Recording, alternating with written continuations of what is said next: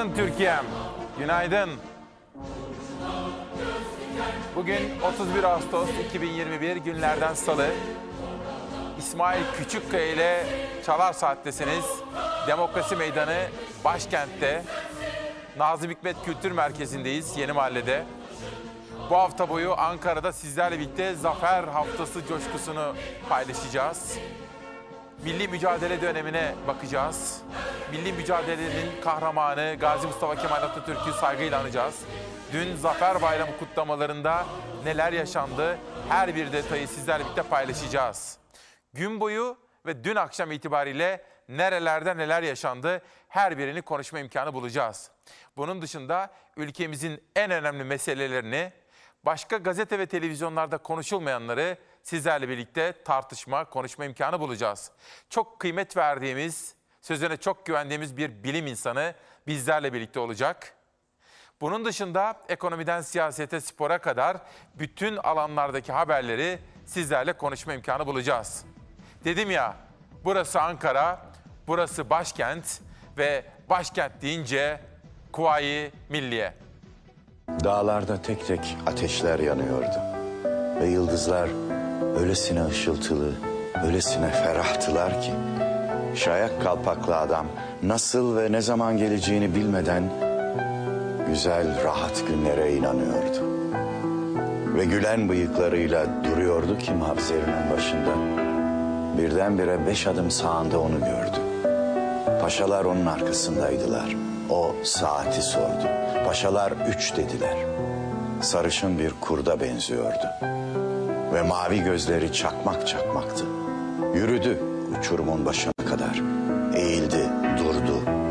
Bıraksalar ince uzun bacakları üstünde yaylanarak ve karanlıkta akan bir yıldız gibi kayarak Kocatepe'den Afyon Ovası'na atlayacaktı. Dört nala gelip uzak Asya'dan Akdeniz'e bir kısrak başı gibi uzanan bu memleket bizim. Bilekler kan içinde, dişler kenetli, ayaklar çıplak ve ipek bir halıya benzeyen toprak. Bu cehennem, bu cennet bizim. Kapansın el kapıları, bir daha açılmasın. Yok edin insanın insana kulluğunu. Bu davet bizim. Yaşamak bir ağaç gibi tek başına ve hür ve bir orman gibi kardeşçesine. Bu hasret bizim. Onlar ki toprakta karınca, suda balık, havada kuş kadar çokturlar. Korkak, cesur, cahil, hakim ve çocukturlar. Ve kahreden ve yaratan onlardır ki kitabımızda yalnız onların maceraları vardır.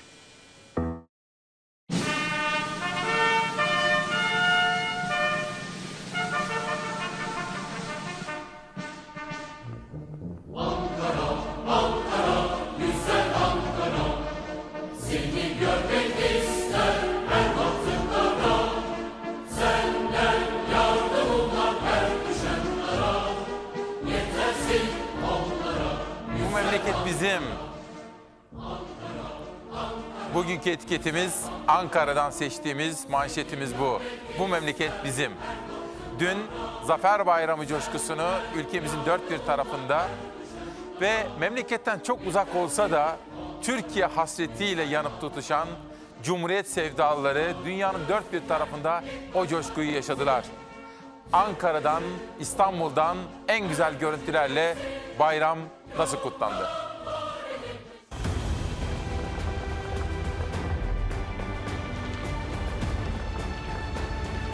Kuvayi Milliye direnişinden milli iradenin egemenliğine uzanan yolun en şanlı, en büyük zaferidir 30 Ağustos.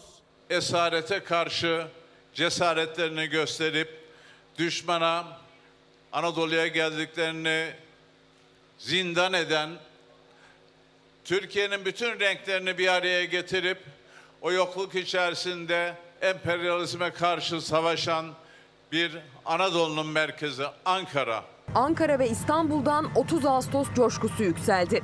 Akşam saatlerinde başkent Ankara ve megakent İstanbul'da Millet İttifakı bileşenlerini bir araya getiren 30 Ağustos Zafer Bayramı kutlamaları gerçekleştirildi. Zafer'in 99. yılında coşku tavan yaptı. Başkent Ankara'da düzenlenen törene Büyükşehir Belediye Başkanı Mansur Yavaş ev sahipliği yaptı. Konuğu CHP lideri Kemal Kılıçdaroğlu'ydu. önümüzdeki seçimlerde Allah'ın izniyle Cumhuriyeti demokrasiyle taşlandıracağız. Atalarımızın bize emanet ettiği Ankara'yı, ülkemizi inşallah Mustafa Kemal Atatürk'ün bize emanet ettiği şekilde ilelebet yaşatacak çalışmalara söz veriyoruz. İstanbul'da ise Büyükşehir Belediye Başkanı Ekrem İmamoğlu'nun ev sahipliğinde gerçekleşen törene İyi Parti Genel Başkanı Meral Akşener de davetliydi. Çok değerli İyi Parti Genel Başkanı Sayın Meral Akşener. Ekrem Başkan'a dedim ki geç yerine otur hanımefendinin Dilek Hanım yerine, yerine otur yanına otur. Ama dedi ki ben ablamın yanında duracağım. Ben masumum di- burada durduğu için. Kendisine teşekkür ediyorum. Akşener kürsüde yaptığı konuşmasında gençlere seslendi. Cumhuriyetten uzaklaşıldığı zaman kutuplaşma artar. Cumhuriyetten onun değerlerinden ayrılındığında tek adam rejimi doğar. Güzel cumhuriyetimizi demokrasiyle taşlandıracağız. Bunun sözünü veriyorum. Millet İttifakı'nın iki lideri de 30 Ağustos mesajlarında Cumhuriyet ve demokrasi vurgusuyla söz verdi. İstanbul'un simgelerinden Galata Kulesi'nde ise 30 Ağustos Zafer Bayramı'na özel ışık gösterisi gerçekleştirildi. Ulu Önder Mustafa Kemal Atatürk'ün fotoğrafları eşliğinde Zafer Bayramı'na giden süreç anlatıldı. aynı inanç ve güçle dimdik ayakta duran büyük Türk milleti, bağımsızlığımızın mutlak savunucusu ve bekçisi olmaya devam ediyor.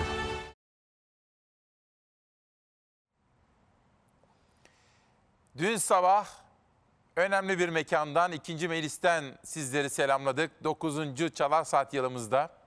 Bugün de Yeni Mahalle'deyiz. Burası Nazım Hikmet Kültür Merkezi.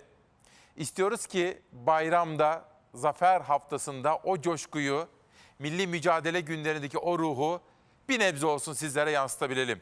Heyecanımızı, hevesimizi bir parça bile olsun size yansıtabilirsek ne mutlu bize. Ekip arkadaşlarımla birlikte Ankara'dan sizlere günaydın dedik bu sabahta. Ve etiketimiz bu memleket bizim. Gazeteleri de okuyalım. Hep beraber gündemin manşetlerine beraberce bakalım. Gündemde neler var? Her birini detaylı olarak sizlere aktarmaya çalışacağım. Sözcü ile başlayacağım. Sonra akıp gideceğiz farklı gazetelere. Bugün Sözcü'de eski Şehircilik Bakanı Erdoğan Bayraktar'ın sözleri var. Manşet yapmış Sözcü gazetesi. 17-25 Aralık tapeleri bana ait diyor. Dosyamda ne varsa hepsi doğru. Bu Sözcü gazetesinin birinci sayfasındaki manşeti. Hep beraber okuyalım bakalım neymiş. Reis beni hırsız çuvalının içine koydu ve attı diyen AKP'li eski bakan Erdoğan Bayraktar tartışmalı bir döneme ışık tutan açıklamalar yaptı. Arkadaşlarımdan rica edeyim iyice doğsunlar ekrana ve hep beraber bütün gazeteleri bugün okuma imkanı bulalım. Erdoğan Bayraktar, FETÖ operasyonuyla başlatılan 17-25 Aralık rüşvet ve yolsuzluk soruşturmasının aktörlerinden biriydi. O dönem Çevre ve Şehircilik Bakanı olan Bayraktar, suçlamalar hakkında Başbakandan habersiz bir şey yapmadım demişti. Sonra da bakanlık ve milletvekilinden istifa etmişti. 8 yıldır bu konuya değinmeyen Erdoğan Bayraktar ortaya çıktı ve 17-25 Aralık 2013 dönemiyle ilgili zehir zemberek açıklamalar yaptı. Bayraktar itiraf gibi şu çarpıcı sözleri söyledi. Reis, Sayın Cumhurbaşkanı beni hırsız çuvalının içine koydu ve attı. Aslında ben Zarrab'ı, 17-25 Aralık'ın kilit ismi olan Zarrab'ı tanımam. Benim dosyamda hırsızlık yok. Görevi kötüye kullanma var. Kahpe FETÖ'nün savcısı bile benim dosyama rüşvet ve yolsuzluk kelimelerini koyamadığı halde beni rüşvet ve yolsuzluk çuvalının içine koydular. Beni de aynı çuvala koyunca liderim dört tane bakan ile beni hırsız diye tasvir ediyorsun. Ben de bir para yakalanmadı. Bende bir para yakalanmadı. Benim çocuklarımdan tutuklanan olmadı. Dosyamda ne varsa hepsi doğrudur. Hem tapeler hem teknik takip hem de konuşmalarım A'dan Z'ye kadar doğrudur. Cem İçek beni sevmemesine rağmen bayrakların dosyasını buna sokmayın ayıptır dedi. Soktular dedi. Akşam saatlerinde Cemil Çiçek de bu konuda açıklamalar yaptı. Erdoğan Bayraktar da bir takım tweet mesajlarıyla sözlerinin yanlış anlama geldiğini ve bağlamından koparıldığını iddia etti. Bu da siyaset gündemini sarsan önemli olaylardan biriydi ki bugün Sözcü gibi pek çok gazetenin de birinci sayfasına yansımış. Bu sabahki gündem maddelerimizden birisi de korona, yeni varyant, her gün maalesef kaybettiğimiz 250 civarındaki vatandaşımız ve aşılama konusundaki gelişmeler. İlerleyen dakikalarda çok güvendiğim bilim insanlarından birisini davet ettim. Sizlerle buluşturacağım ve ona merak ettiğiniz bütün soruları kendisine yöneltme imkanı bulacağız. O halde şimdi en güncel bilgi ve veriler ışığında uzman görüşleriyle desteklenen koronayla mücadelenin günlük raporu. Şu anda yoğun bakımlarımızda maalesef 50 yaş altı e, genç popülasyonda çok yüksek bir artış var. Adana'da 13, 15, 16, 17 yaşında artık çocukları tedavi ediyoruz. Geldiğimiz nokta bu. Servislerimiz tamamen doldu. Yeni servisler açıyoruz ve Adana'da artık normal hastalara hizmet verir durumdan çıktık. Eğer e, tedbirsizlik bu şekilde olmaya devam ederse Eylül'ün ortalarına itibaren vaka sayılarında, ölüm sayılarında maalesef e, artışı bekliyoruz. Dün 245 hasta daha koronavirüse yenik düştü. Oysa tam bir yıl önceki tabloda 30 Ağustos 2020'de vefat edenlerin sayısı 42 idi. Aradan geçen 12 ayda tedbirler esnetildi, aşılama hızı düşük kaldı ve delta varyantının da etkisiyle vefat sayısı 6 katına çıktı. Delta'ya karşı mutlaka iki doz olması gerekiyor. Tek doz neredeyse hiç işe yaramıyor.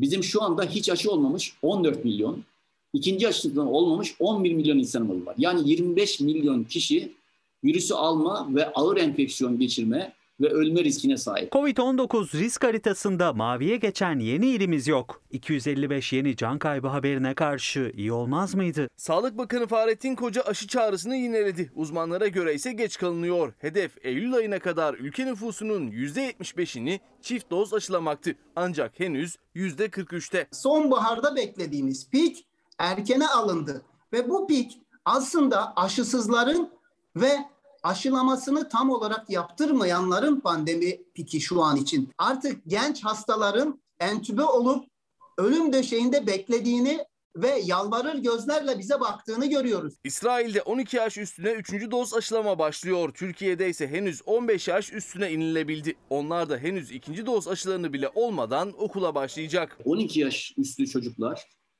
e, yetişkinler kadar delta varyantı söz konusu olduğu için şu anda yetişkinler kadar virüsü alıp bulaştırabiliyorlar. Ve üstelik de e, çocuklarımızın da e, geçmiş varyantlarla kıyasladığımız zaman enfeksiyonu ağır geçirme ihtimali hastaneye ve yoğun bakıma ihtimalleri maalesef çok daha yüksek. Eylül ayıyla birlikte sadece okullarda değil toplumun her alanında hareketlilik artacak. Kapalı ortamlarda geçirilen süre çoğalacak. Türk İş bölge ve il temsilciliklerine genelge gönderdi. Aşı tereddütü yaşayanların bilgilendirilmesini istedi. Türk Hava Yolları da 6 Eylül'den itibaren aşısızlara PCR testi zorunluluğu getirdi. Aynı zorunluluk otobüs ve trenlerde de geçerli olacak. Umutlar aşılanma oranlarının artmasında çünkü sağlık sistemi yeniden tıkanma noktasında. Adana'da gerçekten de açtığımız bütün servisler anında dolu. Şu an acillerimizde bekleyen COVID hastalarımız var. Biz artık acil olmayan ve onkolojik olmayan hastaların lütfen hastanelere gelmemesi gerektiğini söyledik. Çünkü artık tıkandık. Tıkandık.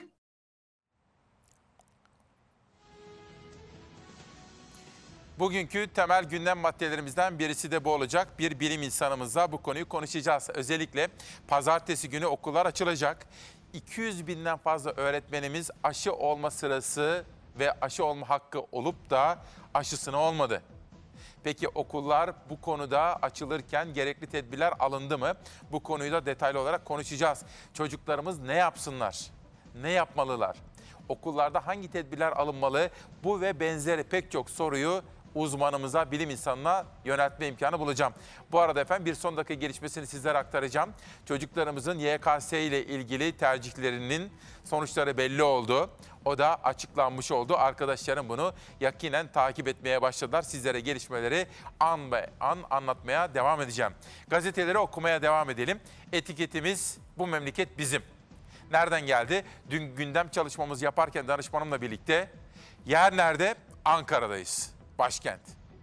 Yayınımız nerede? Yeni Mahalle'de. Nazım Hikmet Kültür Merkezi. Dedik ki Nazım Hikmet duygusu olsun. Onun şiirlerine baktık. Dünya çapındaki ozanımız.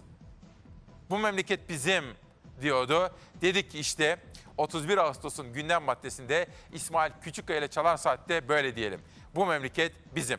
Hadi gelin hep beraber gazeteleri okumaya devam edelim. Sırada Bir Gün Gazetesi var. Bir Gün Gazetesi'nin manşetinde at barınağının savaşla ilgisi ne? Okuduğumuz manşet bu. Afet, savaş, salgın, hastalık gibi istisnai durumlarda kullanılması gereken pazarlık usulü ihale yöntemi pandemide yandaşları ihya etme aracı oldu diyor. Nurcan Gökdemir'in Ankara'dan yazdığı bir haber. Bakalım neymiş? Kamu alımlarında şeffaflığa, şeffaflığı ortadan kaldıran, iktidarın rant aktarma aracına dönüşen kamu ihale kanununun 21. maddesinde tanımlanan pazarlık yöntemi istisna olmaktan çıktı. Doğal afet, savaş, salgın hastalık ve özellikle işler koşuluyla kullanılması gereken pazarlık, iktidarın milyarlarca liralık kamu alımını dilediği kişilerden yapmak için kullandığı araç oldu. İhalenin istenilen kişiye verilmesini sağlayan bu yöntem pandemiyle birlikte bütün alımlarda devreye sokuldu diyor. Nitekim bugün Bir Gün Gazetesi birinci sayfasında çok farklı rakamları da grafik olarak okurlarıyla paylaşmış efendim. Olay şu, kısaca anlatayım. Şimdi normalde hepimizin vergileriyle oluşturulan bütçe şeffaf bir ihale sistemiyle harcanır. Diyelim bir iş yaptırılacak devlet. Der ki ilana çıkar, şurada şöyle bir iş yapacağız. O işe katılmaya yeterlilik hakkına sahip olanlar katılırlar ve teklifte bulunurlar. Derler ki ben devlete şu işi şu kadar paraya yapabilirim. Ben diyelim şu kadar, o bu kadar, o bu kadar en uygun teklifi veren ihaleyi kazanır. Bu tam rekabet koşullarında şeffaflığın esas olduğu sistemle gerçekleşen bir ihale yöntemi. Ama Bir Gün Gazetesi diyor ki rakamlara bakarak bu yöntem yerine çok istisnai zamanlarda acilen devreye sokulması gereken pazarlık yöntemi vardır. Yani formaliteyle uğraşmayalım. Şu işi bir an evvel yapalım. Çünkü afet var diyelim. Böyle bir zorunluluk var. İki tane, üç tane firmayı çağıralım. Pazarlık yapalım. İşte gazete diyor ki burada bir bit yeni olmasın. Kısaca ve kabaca sizlere anlatmaya çalıştım gazetenin manşetini. Bir de Zafer Bayramı haftasında ülkemizin ve cumhuriyetimizin değerlerini, niteliklerini, başta çocuklarımız ve kadınlarımıza sağladığı imkanları yeniden bize hatırlatan bir olay meydana geldi. Afganistan'daki olaylar. Emperyalist güçler gittiler, darmadağın ettiler her tarafı. Sonra oradaki alacaklarını aldılar, işleri bitti. Ondan sonra çekip gittiler. E ne oldu? Afganistan öylece kala kaldı. Bizim artık ilave bir mülteci yükü kaldırmamız söz konusu değildir. Sen kendi sınırına hakim olacaksın kardeşim. Sen, sana kimse uçakla indirmiyor ki bu yabancıları. Senin sınırından geçiyor. Sen demek ki sınırına hakim değilsin. 4 milyondan fazla Suriyelinin yanı sıra milyonlarca olası Afgan gücüne karşı Dışişleri Bakanı Mevlüt Çavuşoğlu ilave yük kaldıramayız mesajını Alman Dışişleri Bakanı Maas'ta basın toplantısında verdi. Alman Bakanı'nın yanıtı dikkat çekiciydi. Afganistan kaynaklı göç akını kriz boyutuna ulaşırsa sadece bölge ülkeleri değil Avrupa dahil herkes etkilenir. Korumaya muhtaç insanları tespit ettiğimiz yerel personeli Almanya'da kabul etmeye hazırız ve bundan sonra olabilecek göç akımı açısından da komşu ülkelerde koşullar sağlamak istiyoruz. Vasıflı olanları seçerek doktordu, mühendisti, e, bilim adamıydı diyeyim. Seçici bir yöntemle ben bazılarını alırım ama daha fazlasını kaldıramam diyor. Bugün iktidarın en büyük ihtiyaç duyduğu şey para, para, para. Bunun dışında iktidarı e, harekete geçirecek hiçbir şey olmadığını e, Almanlar da biliyorlar. Suriye krizinden dersler çıkartmalı, birlikte bu konuda çözümler üretmeliyiz. Suriye'den gelen sığınmacılarla ilgili Türkiye dersini aldı. Ben Erdoğan'ın da aldığını zannediyordum. Ama batıdan beklenen 3-5 kuruş euro için Türkiye'nin huzurunu yeniden bozmaya hamle yapmak üzere. Afganistan kaynaklı düzensiz göçü Kabil'de muhataplarıyla konuşa konuşa tam bir uzlaşma içinde köklü çözümlerle engellemek asıl öncelik olmalıdır. Cumhur İttifakı ortağı Bahçeli de olası Afgan güçüne karşı iktidara yeni uyarısını bu sözlerle yaparken Cumhurbaşkanı Erdoğan'ın 30 Ağustos tebriklerini kabulünde salonda mülteci çocuk temalı tablonun olması dikkat çekti. MHP liderinin Türk askerinin Afganistan'ı terki düşünemeyecek sözleri sonrası asker çekme kararını desteklemesi de siyasetin gündemi. Hızla değişen ve tehdit saçan şartlar karşısında askerlerimizin tahliyesi doğru bir tercih, yerinde bir karardır. Biz Sayın Bahçeli'nin çelişkilerine alışığız. Bahçeli her zaman olduğu gibi gene yanlış oynadı. Taliban da havaalanının işletilmesi konusunda teknik olarak e, Türkiye'den e, destek istedi. Ve Kabil Havalimanı'nın işletmesi güvenliği Türkiye askerlerini çekti ama havalimanının işletmesini yeniden almak için temaslarını sürdürüyor. Bu kadar iştahlı davranırsanız masaya gelecek fatura, siyasi fatura beni tanıt şeklinde tecelli eder. Bu sakat. Siyasette bu tartışmalar yaşanırken Amerika Birleşik Devletleri askerlerinin Afganistan'dan çekilme süreci tamamlandı. Amerikan güçlerini taşıyan son uçaklar da havalandı. Böylece Afganistan'daki Amerika'nın 20 yıllık işgali sona ermiş oldu. Öte yandan Birleşmiş Milletler Güvenlik Konseyi de Afganistan'da yaşanan gelişmeleri değerlendirmek için toplandı. Konsey Afganlarla ülkedeki tüm yabancıların güvenli bir şekilde ülkeden ayrılmalarına izin verilmesi çağrısını kabul etti. Kabil Havalimanı'nın hızlı ve güvenli bir şekilde yeniden açılmasının gerekliliği vurgulandı. Afganistan'daki gelişmeleri dikkatle ve yakından takip ediyoruz. Çünkü bütün dünya sistematiği açısından önemli gelişmeler. Tabii her biriniz gibi bizler de oradaki kadınlar için, oradaki kız çocuklar için, oradaki bütün çocuklar için, oradaki insanlar için üzüntü içindeyiz. Bir taraftan da Afganistan'a bakıp bakıp bu ülkeyi kuranlara, başta Gazi Mustafa Kemal Atatürk olmak üzere ne kadar teşekkür etsek, kadınlarımıza o imkanları sağladıkları için onlara ne kadar minnet duysak ve bize böylesine bir devlet, böylesine bir cumhuriyet armağan ettikleri için başta Atatürk olmak üzere bütün dava arkadaşlarına, silah arkadaşlarına, şehitlerimize, gazilerimize ne kadar dua etsek azdır diye düşünüyoruz. Afganistan'dan alınacak büyük dersler var. Gazeteleri okumaya devam edelim. Sırada Pencere gazetesi var. Pencere gazetesinin manşetinde de AK Parti'nin kurucularından olan eski bakanlardan Erdoğan Bayraktar var. Adı 17-25 Aralık döneminde çokça geçmişti. Sonra istifa etmek durumunda kalmıştı. Erdoğan Bayraktar'ın yaptığı açıklamalar. Sonrasında Cemil Şek de bir takım açıklamalar yaptı akşamında. Erdoğan Bayraktar akşam saatlerinde o yapmış olduğu açıklamalar büyük gürültü koparınca bazılarından geri adım da attı. Yanlış anlaşıldığım bağlamından koparıldım dedi. Her birini sizlere aktaracağım ama sırada Pencere gazetesinin manşeti var. Arkadaşlarımdan rica edeyim ekranlara getirsinler. Ben de sizler için onu aktarmaya gayret edeceğim. Erdoğan Bayraktar'ın Pencere'deki sözleri. Bakın itiraf diyor. Kocaman bir fotoğraf. O döneme ilişkin fotoğraf da yansımış. Şöyle bir bakın. Ben de sizlere tabii stüdyoda olmadığımız için bir parça dikkat ederek onları da sizlere aktarmaya gayret edeceğim. Erdoğan Bayraktar o dönemde bakın bu sembol fotoğrafla birlikte çok konuşulan isimlerden biriydi. Kendisinin diğer üç bakanla birlikte adının anılıyor olmasından çok üzüntü duyduğu anlaşılıyor. Yaptığı açıklamalar 17-25 Aralık'ı doğrular nitelikte diye yorumlanınca akşam saatlerinde yanlış anlaşıldım. Benim sözlerim bağlamından koparılıyor dedi. Tabii şu anda bu gazete pencerenin yazılı birinci sayfa sayfası elimde olmadığı için sizlere daha fazla detaylı olarak aktaramıyorum. Maalesef böyle bir sayfayı ama biraz sonra edindiğim zaman sizlere onu da aktarma imkanı bulacağım efendim. Bu arada dün Paralimpik Olimpiyat milli takımımızdan sevindiren haberler ve müjdeler geldi. Onlar bizleri uluslararası arenada coşkuyla, başarıyla, gururla temsil ediyorlar. Hata geliyor. Altın madalya hatayla geliyor. Milli sporcu Abdullah Öztürk Paralimpik oyunlarında Türkiye'ye ilk altın madalyayı getirdi. 2020 Tokyo Paralimpik oyunlarına katılan Türk sporcular 30 Ağustos Zafer Bayramı'nda önemli başarılara imza attı. Millilerimiz bir altın, bir gümüş ve iki bronz madalyayla Türkiye'ye çifte bayram sevinci yaşattı. Sevile Öztürk 3. ilk madalyamız oluyor.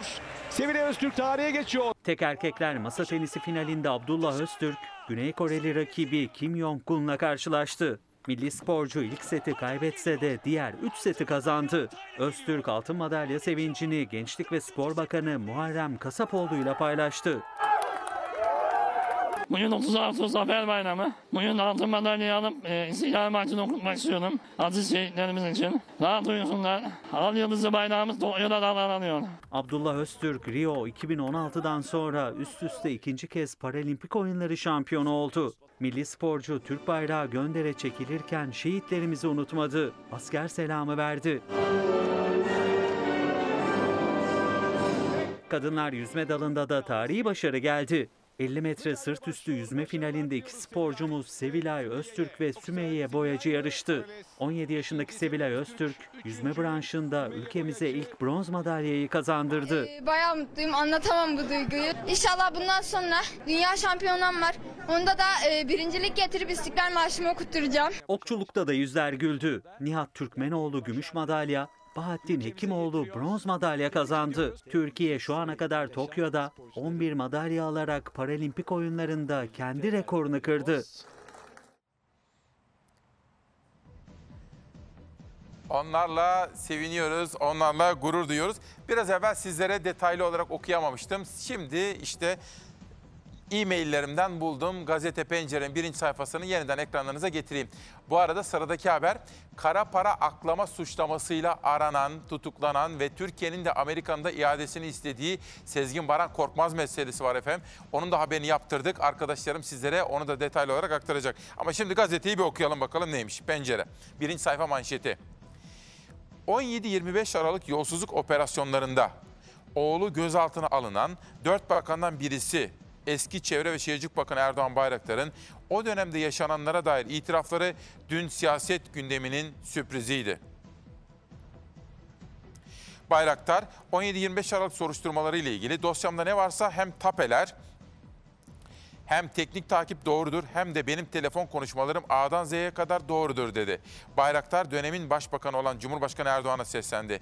Reis, Sayın Cumhurbaşkanım beni hırsız çuvalının içine koydu ve attı. Aslında ben zarabı tanımam. Benim dosyamda hırsızlık yok. Görevi kötüye kullanma var. FETÖ bana hırsız, yolsuz ya da rüşvetçi diyememiş. Beni de aynı çuvala koyunca liderim dört tane bakan ile beni de hırsız diye tasvir ediyorsun dedi. Yaşamış olduğu üzüntüyü de bu sözlerle ifade etti Erdoğan Bayraktar.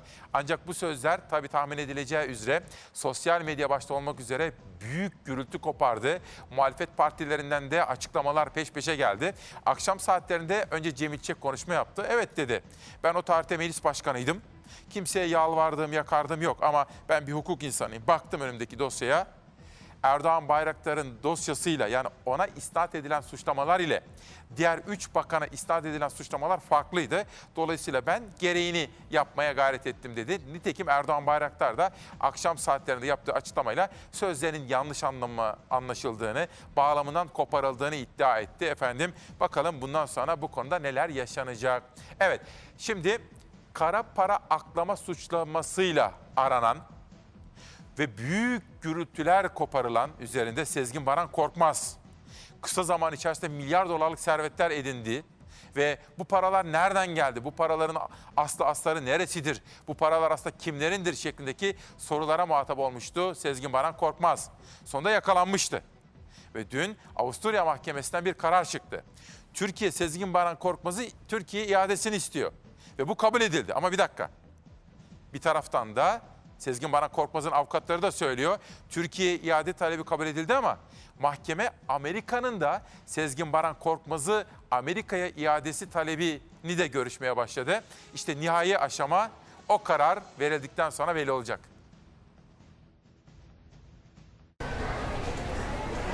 Amerika Birleşik Devletleri ile Türkiye'nin iade yarışına girdiği Sezgin Baran Korkmaz'ın başımıza açacağı dertler adına söylüyoruz. İnşallah Rıza Zarap olayındaki gibi, Türkiye'nin yine kıskaca alınacağı bir iklim oluşmaz. Kara para aklama ve dolandırıcılık suçlamasıyla hem Türkiye hem Amerika hakkında kırmızı bülten çıkarttı Sezgin Baran Korkmaz'ın. Avusturya'da gözaltına alındıktan sonra hem Türkiye hem Amerika iadesini istedi. Avusturya mahkemesi Korkmaz'ın Türkiye'ye iadesi talebini kabul etti. Amerika'nın talebinin ise incelenmesi sürüyor. Sezgin Baran Korkmaz'ın paralara el koyma bilmem nesi reysen Cumhuriyet Başsavcılığı tarafından kaldırıldı ve kaçıyor gidiyor. Sezgin Baran Korkmaz'ın Amerika'da bağlantılı olduğu bazı isimler Amerikan vergi sistemini toplamda 511 milyon dolar dolandırmakla suçlanıyor. Bu paranın 133 milyon dolarının Sezgin Baran Korkmaz'a aktarıldığı ve o paranın Türkiye'de aklandığı da o iddianamede yazıyor. Sezgin Baran Korkmaz'ın yurt dışına çıkışına kim izin verdi? Korkmaz hakkında Amerika Birleşik Devletleri'nde hazırlanan iddianamede yer alan ifadeye göre dolandırıcılık suçlamasıyla tutuklu olan bir sanık Büyükbaba lakaplı bir kişinin kendilerini koruyacağını vaat eden Baran Korkmaz'a bunun karşılığında ödeme yaptığını da söyledi. Şu an için Büyükbaba kim, hangi ülkede bilinmiyor. Reza Zarrab meselesinde ne duruma düştülerse şimdi de bu Sezgin Baran Korkmaz'ın otelinde kalanlar, ihaleleri ona verenler, kara para aklama operasyonlarında onun önünü açanlar, yolunu açanlar buradaki iktidar sahiplerinin düşüneceği işler. Korkmaz hakkında Türkiye'de de hakkında dolandırıcılık ve kara para aklama suçlamasıyla dava var. 5 Aralık'ta yurt dışına çıkan Sezgin Baran Korkmaz'ın Avusturya'da gözaltına alınmasından sonra Ankara'da Amerika'da iadesi için girişimde bulundu. Şu fotoğrafa bir bakar mısınız? Sezgin Baran Korkmaz. Yanındaki Jacob Kingston. Bu da Amerika Birleşik Devletleri'nde kara para aklama ve dolandırıcılık suçundan tutuklu. Yanlarında da Erdoğan. Avusturya Mahkemesi önce Türkiye'nin iade talebini görüştü ve Baran Korkmaz'ın avukatının açıklamasına göre mahkeme Ankara'nın iade talebinin kabul edilmesine karar verdi. Amerika'nın iade talebi ise henüz karara bağlanmadı. Korkmaz'ın Türkiye'ye mi yoksa Amerika'ya mı iade edileceği Amerika'nın iade talebinin de görüşülmesinden sonra belli olacak. Şimdi gerçekten bu da çok tuhaf bir olay ama son yıllarda bir anda bir bakıyorsunuz böyle böyle tipler ortaya çıktı. Milyar dolarlık, milyar dolarlık servetleri var. Bu paralar nereden gelmiş? Bu paralar nasıl edinilmiş? Yasal mı? Temiz para mı? Bütün bunlar da ortada yanıtlanmayı bekleyen meseleler. Tabii biz yeni sezonumuza başladık 9. yılımıza. 2021 yılı mesela Sedat Peker'in yapmış olduğu açıklamalar da aslında yılın en önemli olaylarından birisi oldu daha şimdiden. Bakalım bundan sonra da neler olacak. Bu arada tabii şunu da söyleyelim. Biliyorsun Sedat Peker Birleşik Arap Emirlikleri'nde. Ben diyor uluslararası hukuka göre burada bulunuyorum. Beni kimse buradan gelip alamaz diye bir açıklama yaptı önceki gün. Hem Zafer Bayram kutlaması yapmıştı Twitter'da takipçilerine. Bir taraftan da şunu da söyleyelim. Ben sabah 5 civarında Zafer'le konuşuyordum.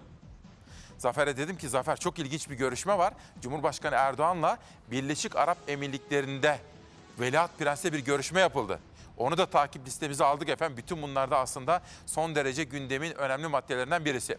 Şimdi izin verirseniz hocamı karşılayacağım. Çok güven duyduğum, çok önemsediğim bir bilim insanı davet ettim. Uzun bir aradan sonra o da ekranlara çıkmayı kabul etti. Çünkü adeta kendisine göre bir medya orucu yapıyordu. Hocam dedim kamuoyunu bilgilendirmek gibi bir sorumluluğumuz var. Ben de kamu görevi yapıyorum siz de. Hay hay dedi. Onunla korona, aşı, hangi aşı? Peki yoğun bakımlardaki vaka sayıları neden böyle oldu? E pazartesi günü okullar açılacak. Ne yapacağız? 200 binden fazla öğretmenimiz aşılanmadı. Ne yapalım? Çocuklarımızı nasıl koruyacağız? E kendisinde iki çocuğu var Allah bağışlasın. İşte izin verirseniz ben şimdi bir sade kahve molası isteyeceğim sizlerden. O arada hocamı arayacağım. Hocam gelmek üzere. Hocamı karşılayacağım ve huzurlarınıza döneceğiz. Bunu kaçırmayın efendim. İsmail Küçükkaya ile Demokrasi Meydanı'nda bilim insanımız konuşacak. Etiketimiz işte burada. Nazım Hikmet Kültür Merkezi'nden hatırlatıyorum. Bu memleket bizim.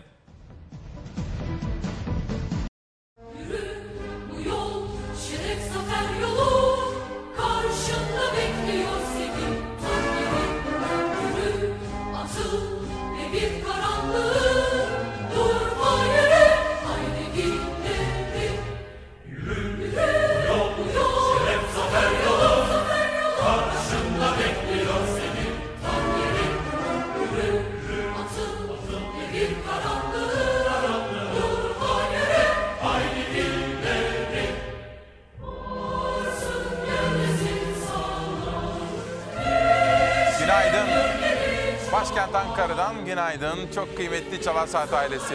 Günaydın Türkiye'm. İsmail Küçükkaya ile Demokrasi Meydanı'na hoş geldiniz. Ankara'da Yeni Mahalle'deyiz. Burası Nazım Hikmet Kültür Merkezi. Sizleri bu güzel mekandan ağırlamak ve sizlere böyle seslenmek istedik efendim. Bu memleket bizim. Bugünkü etiketimiz Nazım Hikmet'in o ölümsüz dizeleriyle seslenmek istedik. Gündemin maddelerine bakacağız ama tabii bugün dün olduğu gibi Zafer Haftası'nda olduğumuz için sizlere o Zafer Bayramı duygusunu, ruhunu ve coşkusunu da yansıtmak istiyoruz. Ama bunu yaparken bir taraftan da ülkemizin gündem maddelerine ve gazetelere beraberce bakmak istiyoruz. Dün olduğu gibi bugün de Demokrasi Meydanı'nın konuğu var. Profesör Doktor Alpay Azap hocamız bizlerle birlikte olacak. Çünkü gündem korona. Hangi gelişmeler nasıl seyrediyor? Aşılamada hangi durumdayız? Şu anda hastanelerde, yoğun bakımlardaki durumlar nedir? Hangi tedbirleri almalıyız gibi soruları kendisine yönelteceğiz. Hocam hoş geldiniz. Hoş bulduk İsmail Bey. Nasılsınız? İyiyim çok teşekkür ederim. Siz de iyisiniz umarım. Sağ olun. Davetimizi kabul ettiniz. Uzun zamandır da televizyonlara çıkmıyordunuz. Evet. Fakat hocam şimdi şöyle hastanelere bir baktığımız zaman durum alarm verici seviyelere doğru gelmeye başladı. Aşılamaya bakıyoruz. Devletimiz aslında aşıları buldu ama yeterince vatandaşımız aşı oldu mu olmadı mı sorularını hep beraber konuşacağız. Şimdi bu konuda hazırladığımız bir haberimiz vardı. Korona ve aşıya dair. O haberi bir izleyelim ve Profesör Doktor Alpay Azap hocamızla birlikte koronanın günlük raporunu ve yapılması gerekenleri, atılması gereken adımları hocamızla konuşalım. Ben hafif geçirdim yani. Üç defa aşı oldum. Hafif geçirdim. Fakat eşim aşı olmadı. Olmamıştı yani. Ve bu virüs geldi. Bir şekilde hastalandı. Buraya getirdik. Bekliyoruz Allah'tan bakalım. Ne kadar hastalığı sürer bilmiyoruz daha. Ailemiz işte burada bekliyoruz. Virüs bir ailenin kapısını çaldı. 3 doz aşı olan 81 yaşındaki vatandaş hastalığı hafif atlattı. Eşi ise aşı olmadığı için hastalığı ağır geçiriyor. Şimdi tüm aile onun iyileşmesini bekliyor. Bir hastanın iyileşmesini beklemek nasıl bir duygudur? Hele hayat arkadaşınsa. Sağlık Bakanı Fahrettin Koca bu sözlerle paylaştı o tedirgin bekleyişi. Aşı olmanın ne kadar önemli olduğunu gözler önüne seren bu sözleri. Aşı oldum. Hafif geçirdim. Fakat eşim aşı olmadı. Bir şekilde hastalandı. Buraya getirdik. Bekliyoruz Allah'tan bakalım. Salgınla mücadelede vaka ve vefat sayılarının azaltılmasında en büyük silah aşılama. Risk haritasında ise rengi değişen iller var. Adana, Afyon, Kütahya ve Karabük %75'in üzerine çıkan ilk doz aşı oranlarıyla COVID-19 risk haritasında artık düşük riskli iller arasında. Tüm Türkiye adına bu 4 ile teşekkürler. Aşıda daha yüksek hız bekliyoruz. Ancak aşılamada hala istenen noktada değiliz. Aşılamada belirlenen hedef Eylül ayına kadar nüfusun %75'ini çift doz aşılamaktı. Ancak Türkiye'de şu an için nüfusun %43'ünün aşılanması tamamlandı. Kontrol ettim. Evet, gündem korona, varyant ve şu andaki durumu hocamızla konuşacağız. Profesör Doktor Alpay Azap hocamız bizimle. Hocam, günlük vaka sayılarına bakıyoruz. Böyle 20 binler civarında. Fakat vefat sayılarına bakıyoruz 240-250 civarında. Maalesef. Ne oldu, neden böyle oldu? Aslında tabii bu şaşırtıcı değil. E, Çünkü aşılama oranları henüz istediğimiz düzeye ulaşmadı. Elimizde çok etkili olduğunu bildiğimiz aşılar var. Ee, İlk çıktığında belki bu aşılar Aralık ayından itibaren kullanıma girdiğinde bazı soru işaretleri vardı hepimizin kafasında. Özellikle bu inaktif aşılar ne kadar etkili olacak, bu mRNA aşılarının ne kadar yan etkileri olacak gibi soru işaretleri vardı. Ama dünya üzerinde bugüne kadar 5 milyar doz aşı yapıldı farklı aşı türlerinden olmak üzere. Ve şunu çok iyi biliyoruz bu aşıların hepsi e, çok güvenli aşılar ve e, aralarında bazı küçük farklılar olmakla beraber ağır hastalık, ölümler ve yoğun bakıma yatışları çok önemli oranda azaltıyorlar. Aslında sadece ülkemizde değil dünyada da vaka sayıları artıyor. Baktığımız zaman dünyada bir dördüncü dalga içerisinde bir tırmanış var olgu sayılarında. Bunu rahatlıkla görebiliyoruz. Dördüncü dalga. Evet. Ee, Hem ülkemiz için söyleyebiliriz hem dünya genelinde de bunu söyleyebiliriz. Hatta bu aşılanan ülkelerde de olgu sayılarındaki artışı görebilmemiz mümkün. Ama şöyle çok büyük bir farklılık var. Aşılanmış ülkelerde yani toplumun büyük çoğunluğu iki doz aşısını bitirmiş olan ülkelerde hastane yatışları ve ölümler çok çok az. Ama bizim ülkemizde ne yazık ki iki doz aşısını bitirmiş olan insan e, sayısı oranı çok yüksek değil. Dün bakanlığın açıklamış olduğu verilerde %55'e yakın bir orandan bahsediyoruz ama bu nüfusta 18 yaş üzerinde olup da iki doz aşısını tamamlamış olanlar. Şunu hiç unutmamamız lazım. Bizde tabii aşıların bulunmuş olması, Sayın Bakan'ın 270 milyon doz aşı bağlantısını yaptığımız müjdelemiş olması, yaz başında e, aşılamanın hızlanmış olması insanlarda bir rahatlığa sebep oldu. İşte aşı var artık ve bu hastalıkla e, işimiz bitiyor gibi bir rahatlama oldu. Ama şu çok kritik. Aşı iki doz uygulanan aşılar ancak iki doz uygulandıktan ve üzerinden de 14 gün geçtikten sonra korumaya başlıyorlar. İşte Türkiye'deki sorun o. Tamam. Yani tek doz aşısı olan insanlarımızın oranı kötü değil %77'ye yaklaştı. Ancak iki doz olmuş ve bunun da üzerinden 14 gün geçmiş e, olmadığı sürece ağır hastalık ve yoğun bakımlara yatış ve maalesef vefatları engellemek mümkün değil. O yüzden bizdeki ölüm sayıları bu kadar fazla. Şu anda Türkiye'de yaşanan da dördüncü pik yani dördüncü zirve mi?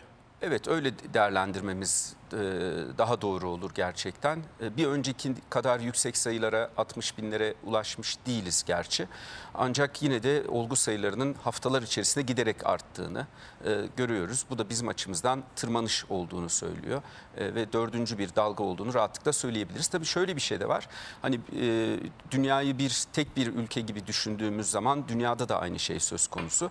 Ama nasıl ki ülkeler arasında farklılıklar varsa e, bu dalganın yüksekliği, işte vefat sayıları, yoğun bakımlara yatış sayıları açısından ülkemizde de şehirler arasında farklılıklarla karşılaşabiliyoruz. Bölgeler arasında farklılıklarla karşılaşabiliyoruz. Çünkü e, her gün yayınlanan bu aşılama haritalarında gördüğümüz gibi bazı illerimizde henüz aşılama istediğimiz e, oranlara ulaşmış durumda değil. Dolayısıyla bu söylediğimiz yani sağlık sisteminin e, çok yük altında kalması, yatan hastalık sayılarının, yoğun bakım sayılarının artması şehirden şehire de farklılık gösterebiliyor. Ama genel olarak arttığı kesin. Ben sizin gibi güven duyduğum hocalarımı aradığım zaman sizin hastanenizde durum nedir diye çok farklı illerden hocalarım var böyle. İşte diyelim Bursa, İstanbul, Ankara böyle çok Adana. Hemen hemen hepsinin söylediği şey hastaneye yatış oranlarında artış var. Yoğun bakımlarda artış var. Sizin yaşadığınız gerçeklikte mesela hastanede böyle mi? Öyle bizde de öyle. Ee, bizde Ankara Üniversitesi Fakültesi hastaneleri oldukça büyük bir merkez. Biz pandeminin başından beri çok yoğun bir şekilde bu hastalarla ilgileniyoruz. Ee, bir önceki dalga kadar değiliz neyse ki. Ee, o zaman biz 5 blokta e, tam kapasite çalışmak zorunda kalmıştık. Bazı hastaları yatırmakta zorlandığımız günlerimiz olmuştu. Ee, şimdi dün bir üçüncü bloğu açtık biz. Ee, henüz 5 blokluk bir yoğunluk söz konusu değil. Bunda Ankara'daki aşılama oranlarının biraz yüksek olmasına bağlıyoruz. Aslında bize ayaktan başvurup hastalık tanısı alan kişilerin oranı düşük değil. Yani bir önceki dalgadaki kadar e, yüzde bu hafta sonu mesela bizde e, gelip test verip sonuç verdiğimiz kişilerde yüzde 15 ila 18 arasında bir pozitiflik oranı vardı. Yani neredeyse her 5 kişiden bir tanesi bizde bu hafta sonu pozitif çıktı. Ama dediğim gibi bunların bir kısmı aşılanmış kişiler ve iki dozu da olmuş olan kişiler olduğu için yatmayı gerektirecek kadar ağır bir seyirle karşılaşmadık. Peki yine böyle güven duyduğum hocaları aradığım zaman bana şunu söylüyorlar. Yani hastanenizde tablo nasıl diye sorduğumda yatanlar, yoğun bakımda olanlar ve vefatlar bakımından en fazla aşısızlar var. Evet. Öyle mi?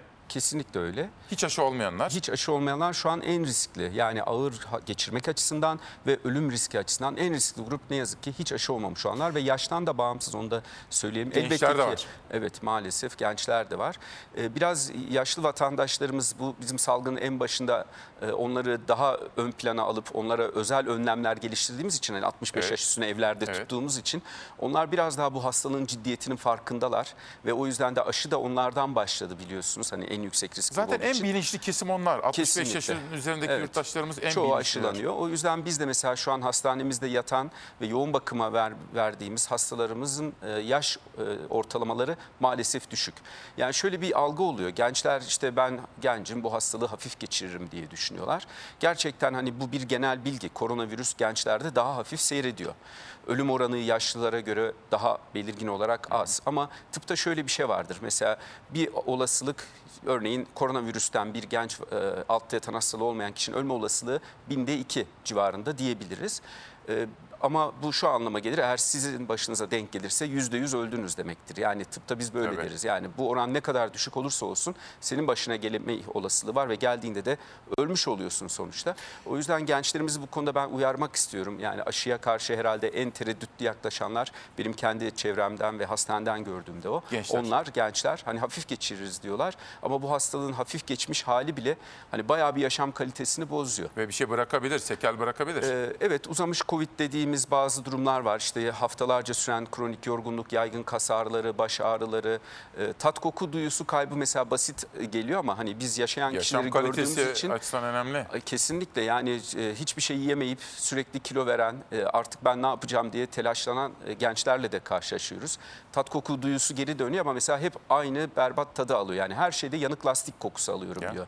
Yani hiçbir şey yemiyorum. Peynir ekmek bile Tatsız, yiyemiyorum. tuzsuz bir hayat o zaman. Evet yani dolayısıyla bu hastalığın hani aşılarla ilgili kafamızda bizim soru işaretleri olsa belki diyebiliriz ki yani e, hafif geçirecekler aşılanmasın ama gerçekten 5 milyar doz çok yüksek bir sayı. Onu da geçti artık dünyada ve bu aşıların çok güvenli olduğu konusunda elimizde artık çok veri var. O yüzden hani aşılanmak bu hastalıktan korunmanın en etkili yolu. Bunu yapmak lazım. Aşılanmayanlar çoğunlukta ama bir de benim gördüğüm yine hocalarımdan sizin gibi değerli bilim insanlarından öğrendiğim tek doz aşıda kalıp da hastaneye yatanlar var. Tabii e, az önce onu söylemeye çalıştım. Şu algıyı kırmalıyız. Yani tek doz aşı hiç aşı de- olmamışsınız demektir. Mutlaka iki doz olması gerekiyor ve üzerinden de 14 gün geçtikten sonra siz aslında o aşıdan beklediğimiz koruyuculuğu elde etmiş oluyorsunuz. Bir de üçüncü bir grubumuzda şu oluyor İsmail Bey. iki doz aşı inaktif aşı, koronavak aşısı olup üzerinden e, epeyce zaman 6 aydan özellikle daha uzun bir zaman geçmiş olan kişilerde de e, ağır hastalık biraz daha fazla karşımıza çıkabiliyor. Onlar da tabii hiç aşılanmamışlar kadar değil ama e, şunu biliyoruz ki bu inaktif aşılar e, hep zaten böyledir. Örneğin grip aşıları da inaktif aşılardır ve onların belli bir koruyuculuk oranı vardır. Bu Covid aşısı da işte ülkemizde uygulanan Sinovac aşısı da aslında o koruyuculuk oranı yakalıyor. Yani %60-70 kadar bir koruyuculuğu yakalıyor. Dolayısıyla kötü aşı yok. Kötü aşı değil o. Ama inaktif aşıdan beklenen e, faydayı sağlıyor. E, ve etkisi de daha kısa süreli oluyor. mRNA aşılarıyla karşılaştırdığımız Anladım. zaman. Hatta şu an dünya şunu tartışıyor. Bu e, Covid aşılarında mRNA aşısı dediğimiz işte Pfizer-BioNTech aşısı ülkemizde uygulanan bunlarda bile zaman geçtikçe aşının koruyucu etkisi azalıyor. Ve o yüzden de mesela işte İsrail 6. aydan itibaren Üçüncü doz. üçüncü dozu yapıyor. İşte Amerika ben 8. aydan itibaren yapacağım dedi. Tabii bu da insanlarımızın kafasına bir soru işareti yaratıyor. Ya hani aşılar etkiliydi. Niye şimdi bir de üçüncü doz çıkardınız? İşte bu firmalar çok para kazansın diye böyle yapılıyor.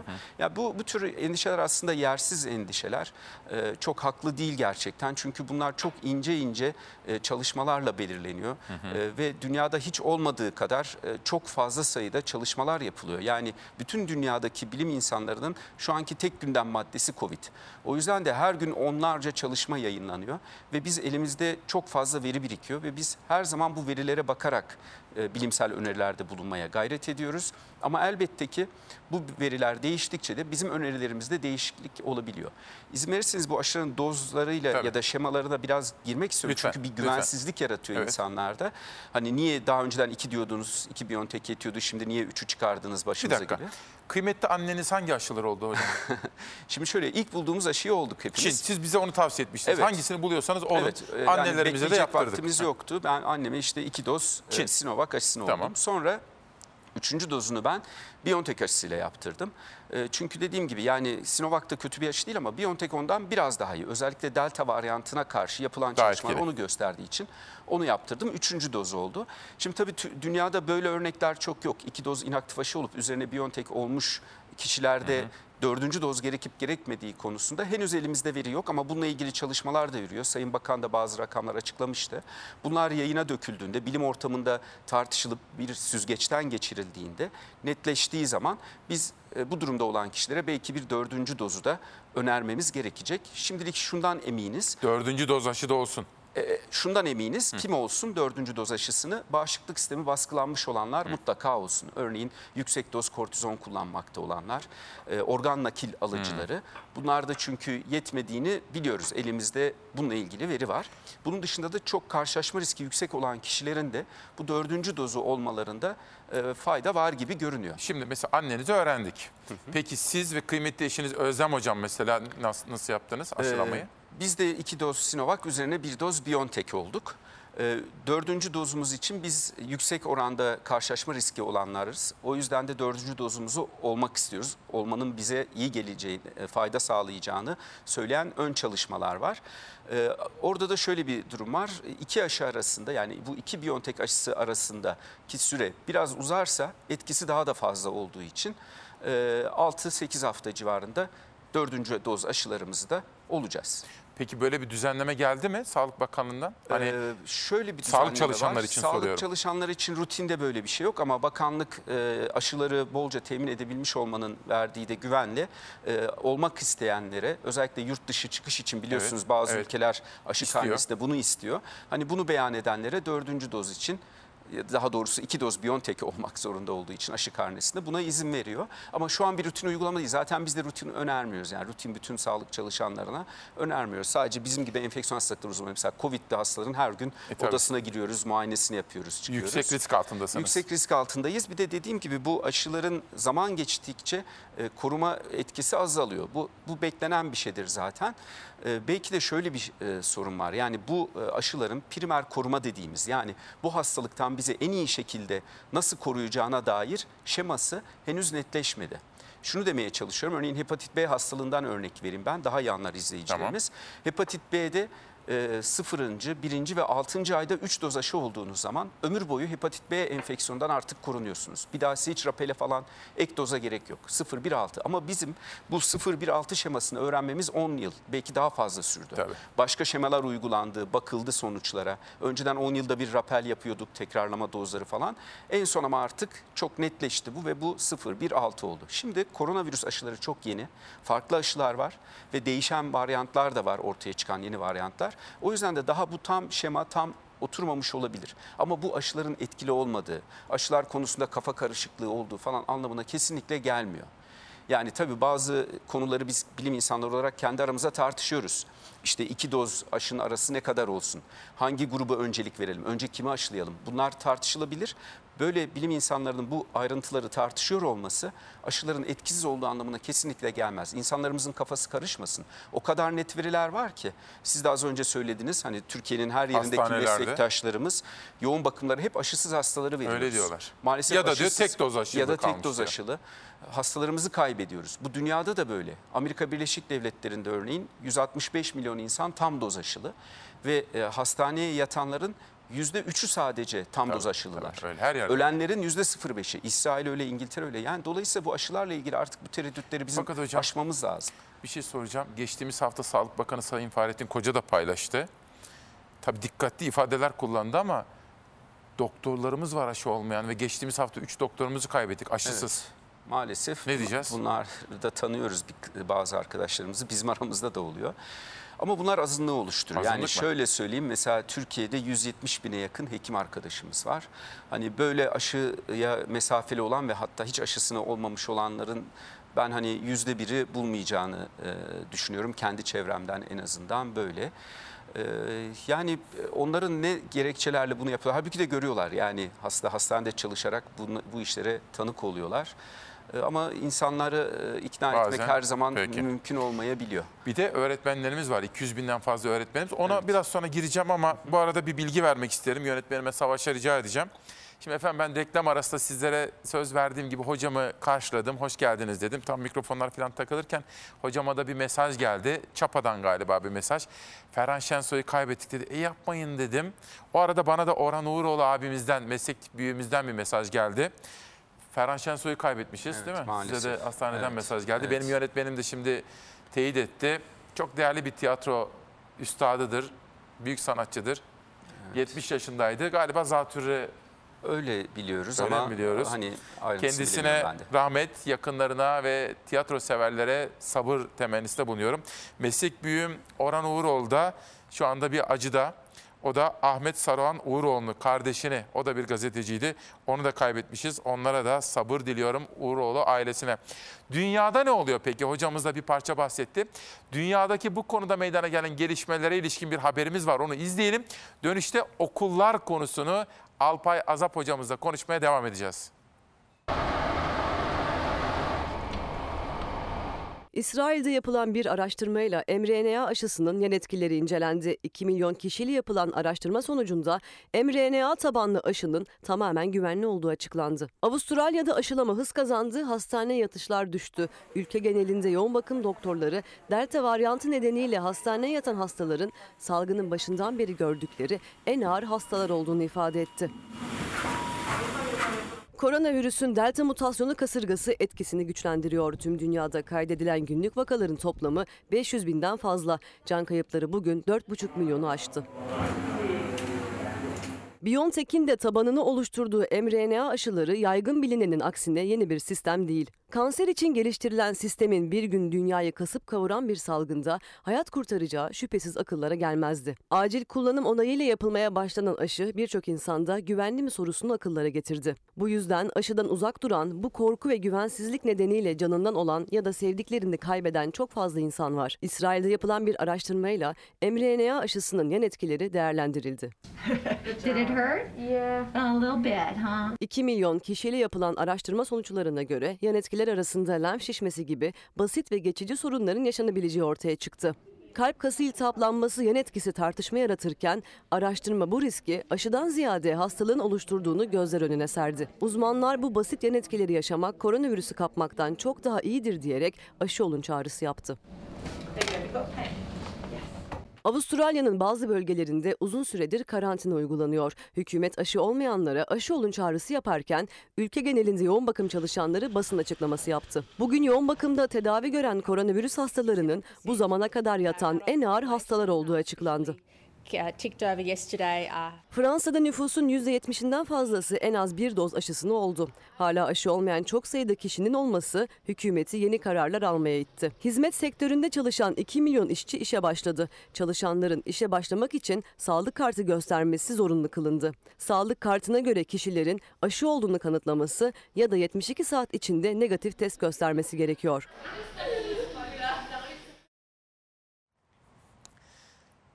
Evet bu dosya çalışmamızda Beyza Göze'yi hazırladı. Alpay Azap hocamıza soralım. Hocam pazartesi okullar açılıyor. Şimdi biz aslında hep öteden beri siz de bunu savunuyordunuz. Çünkü siz de iki çocuk sahibisiniz Allah bağışlasın. Okullar açık olmalı. Açık olmalı çünkü bunun telafisi yok ama gereken tedbirler, önlemler alınarak. Şimdi bir önce bir genel değerlendirme alabilir miyim? Pazartesi itibariyle okulları yüzde eğitimi açıyoruz. Evet yani bu dediğiniz gibi artık ne ülkemizin ne çocuklarımızın kaybedecek bir yılı daha yok. Yani bu çok çok kritik bir konu. Biz maalesef e, salgında hep ilk önce okulları kapattık. En sonunda okulları açtık. E, oysa uzaktan eğitim hiç kolay bir şey değil. Pek çok çocuk da bu konuda zorlandı. Ben hani kendi çocuklarımdan da biliyorum. Hani bir sürü sorun yaşadık. Biz hani akademik başarı değil sadece psikolojik olarak da çocukların gelişiminde sorunlar oldu. E, evet dediğiniz çok haklı. Biz mutlaka okulları açmalıyız. Yüz yüze olmalı ama bu çocuklarımızın hastalanması pahasına olmamalı. O yüzden okullarda gerekli önlemlerin mutlaka alınması gerekir. Ve zaten dünyadaki bütün örnekler de bunu gösteriyor. Aslında bizim kendi ülkemizde gördüğümüz örnekler de bunu gösteriyor. Yeterli önlemleri aldığınız zaman bu hastalık o kadar da kolay bulaşmıyor. Biz Türk Klinik Mikrobiyoloji ve Enfeksiyon Hastalıkları Derneği olarak bu konuda geçen hafta bir e, öneri paketi aslında yayınladık kamuoyuna. E, ilgililerin dikkatine sunduk. Orada 19 başlığımız var, 19 önerimiz var. Ama e, kısaca ben hani özetleyecek olursam neler yapılması gerekir? Bir kere aşılama çok çok önemli. Özellikle okul çalışanları, öğretmenler, okula girip çıkan herkes, okulda görevi olan bütün yetişkinlerin mutlaka iki doz aşısının e, olmuş olması çok kritik. Onun dışında 12 yaş üzerindeki çocuklarda şu an elimizdeki aşılardan BioNTech aşısının etkili ve güvenli olduğuna dair yeterli bilimsel veri var. O yüzden 12 yaş üzerindeki bütün çocukların da aşılanması gerekiyor. Bir Şu an- saniye. Çok Tabii, özür. tabii, çok buyurun. özür. Alp oğlunuz 15 mi 16 mı? 17. 17 yaşında. O oldu mu? O oldu. Hani ilk onlara çıka, e, çocuk grubunda ilk onlara çıkmıştı. O yüzden ikinci dozunda olabildi o. İki dozunda oldu. İki dozunda Oldu. oldu. Evet. Kızım 15 yaşında. Defne. E, o da ilk dozunu olabildi. İkinci dozu için bekliyoruz. Ha, demek ki siz başkalarına tavsiye ettiğinizi uyguladınız E kendinize. ya, öyle yapmak gerekir. Yani ele varır talkımı kendi yutar salkımı olmamalı. Şifa Bizim olsun, etik şifa yaklaşımımız bu. Hani kendimize yakınlarımıza yaptığımızı başkalarına önermemiz en doğrusu. Hani Türkiye'de hekimlik etiği bu konuda çok iyi çalışır. Yani hekimler olarak e, bütün hekim arkadaşlarıma ben bu konuda yani bir Hipokrat kefil, kefil bir olabilirim. E, Bize güvensinler lütfen. Yani kendi yapmadığımız bir şeyi başkalarına asla önermeyiz. Bir soru geldi çok özür dilerim. Gülten Çin Kılıç o da bir evladı var. 16 yaş için birinci dozla ikinci doz arası kaç hafta olmalı? Şimdi aslında bu soru çok güzel bir soru. Yapılan e, dünyadaki uygulamalar, İsrail mesela e, 4 hafta, 3 ve 4 hafta arayla yaptı. İngiltere 3 ay arayla yaptı başta. Şunu gösterdi, arayı açtığınız zaman daha etkili oluyor. Ancak az önce söylemeye çalıştığım gibi tek doz aşı hiç aşı yapılmamış gibi kabul etmek gerekiyor. Eğer siz ikinci aşı için 3 ay beklerseniz, o arada Türkiye'de de delta varyantı çok yayılıyor. Olgu sayıları yüksek, çok kolay bulaşıyor. Ee, okullar da açılacak. Dolayısıyla o arada hastalanma olasılığı çok yüksek. O yüzden beklememek gerekir. Ben mesela kendi oğlumda dördüncü haftada ikinci dozunu yaptım. Kızımın da dördüncü haftasını bekliyorum. Dört haftada ikinci dozu yapalım. Ha, e, 12 haftada yapsak, yani 3 ay sonra yapsak belki biraz daha fazla bağışıklık sağlayacak ama o arada çok değerli bir 3 ayı kaybedeceğiz. Biz hastalanma riski olacak. Değmez yani o riski almaya değecek bir fayda değil bu 12. haftada yapılması. O yüzden dördüncü haftada Güzel soru olsunlar. Ve güzel yanıt. Evet. Peki, Şu- bir- buyurun buyurun sözünüzü kesmeyin buyurun. bu gençlerle ilgili bana çok sorulduğu için e, Nedir? lafınızı kestim kusura bakmayın. Bu e, Amerika'daki özellikle yaygın e, mRNA aşısı uygulaması sonrasında kalp kası iltihabı az önce haberinizde de Evet. vardı. Kalp kası iltihabı olması çok kafalarda soru işareti yarattı. Gerçekten 16 yaşla 24 yaş arasındaki bir grupta daha küçük veya daha büyüklerde değil ama 16-24 yaş arasında aşılanmış grupta kalp kası iltihabı olma olasılığı toplumda normalde beklediğimiz hızdan bir miktar daha fazla. E, Yaklaşık bir buçuk kat daha fazla. Bu tabii kafada soru işaretleri oldu. Bu arada izleyicilerimiz de şundan emin olsunlar. Yani aşıların yan etkileri çok yakın izleniyor ve en ufak bir soru işareti olursa bunun hızla üzerine gidiliyor. Gerekirse aşılama bile durduruluyor. Ya bir süre mesela Johnson Johnson Toplatıldı, durduruldu, durduruldu tabii. toplatıldı. Yani bu konuda ve e, üstelik de yarattığı risk o kadar yüksek bir risk değildi. Hastalığın kendi Evet. riskinden çok azdı. Ama dediler ki ya bizim elimizde daha güvenli aşı var. O yüzden bu aşıyı yapmayalım. Hani tek elimizdeki aşı olsaydı inanın o da devam ederdi aslında. Sonuç olarak bu e, araştırıldığı zaman bunun bu bir buçuk katlık artışın e, gerçekten olduğu ama yine sizin haberinizde söylendiği gibi hastalığı geçirmesi durumundaysa bunun en az 6 kat e, daha fazla olduğu. Dolayısıyla siz belki aşı yaptığınızda ben mesela iki çocuğum da bu yaş grubuna giriyor 16-24 yaş. Belki kalp kası iltihabı gelişecek çocuklarımda ama ben onları aşılamasaydım ve hastalansalardı ki hastalanmamak neredeyse artık mümkün değil. Bu delta çok çok bulaşıcı. O yüzden bir vadede mutlaka hastalanacak aşılanmadığı durumda. O zaman da 6 katlık bir riske en az 6 katlık bir riske almış olacaktım. Kaldı ki aşının sebep olduğu kalp kası iltihabı da e, e, hastalığın kendisinin sebep olduğuyla karşılaştırıldığında hafif seyirli. Kendiliğinden iyileşiyor. Hastalık çok daha ciddi kalp kası iltihabı yapıyor ve ölüme bile neden olabiliyor hastalığın sebep olduğu kalp kası iltihabı. Ya bunları hep biz en ince şekilde ayrıntılarıyla konuşuyoruz, tartışıyoruz. Terazinin kefelerine koyup ona göre bu önerileri yapıyor bilimsel kuruluşlar. Hani ben e, insanlarımıza da şunu söylemek istiyorum. Yani ben söylüyorum diye güvenmesinler yani. Bilimsel kurumlar bunu ne diyor? söylüyor. Evet, bilimsel kurumlara baksınlar. Şöyle sorayım mı değil. hocam? Şimdi ben diyelim ben ve eşim bilinçliyiz, duyarlıyız ve biz aşılarımız olduk. Çocuklarımız okula gidecek diyelim. Okula gidiyor fakat öğretmen aşısız. Veya e, anne babası aşısız olan çocuklar geliyor. Ne yapacağız? Evet maalesef işte bu aşı o yüzden sadece olup olmama kararı bireysel bir karar değil. Toplumsal bir karar. Siz kendiniz aşılanmadığınız zaman sadece kendinizi değil tüm toplumu böyle salgın hastalıklarda tüm toplumu riske atmış oluyorsunuz. Ama tabii zorlama da iyi bir yöntem değil. İkna etmeyi biz çok önemsiyoruz. Hani zorladığınız zaman bu sefer insanlarda bir tepki oluşuyor. Niye zorluyorsunuz bizi? Ama şunu söyleyeyim gelişmiş batı ülkelerinde bu iş zorunlu pek çok noktada. Mesela dün işte Fauci hani tüm dünya çok yakın Evet. takip ediyor ya Amerika'da bu Evet. salgını yöneten bilim insanı. Ee, örneğin öğretmenlerin zorunlu aşı olması gerektiğinden yana olduğunu söyledi. Bu da çok tartışılıyor Amerika'da. Öğretmenler zorunlu aşı olsun Amerika'da olmasın. Pentagon'a yani orduya girişlerde herkes zorunlu, aşı Amerika'da getirdiler. devlet memurları zorunlu aşı olmak zorundalar. Bizde öyle bir zorlama yok Ama işte e, hep anlatmaya çalışıyoruz.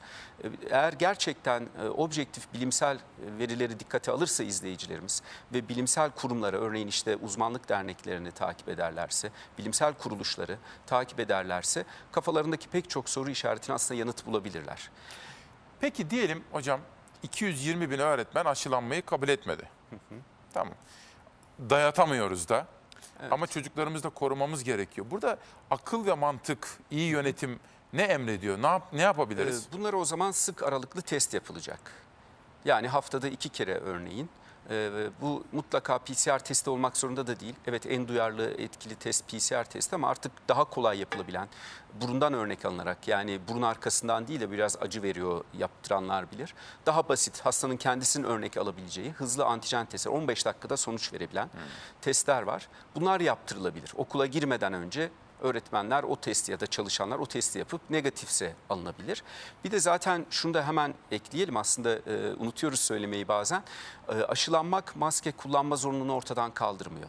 Çünkü evet aşı çok etkili bir şekilde ağır hastalık ve ölümleri engelliyor ama belirtisiz enfeksiyon e, çok yüksek oranda engellenmiyor aşılar. Yani aşılı bir kişi de solunum yollarında bu virüsü taşıyabiliyor ve başkalarına elbette ki aşısız kadar değil ama başkalarına da bulaştırabiliyor. O yüzden maske kullanımı çok çok kritik ve dünyaya baktığımızda okul salgınlarında e, en çok e, kaynak iyi maske takmayan, doğru kullanmayan öğretmenler oluyor. Çünkü e, yine bunu biliyoruz ki erişkinler çocuklara göre daha çok virüs saçabiliyorlar, daha bulaştırıcılar.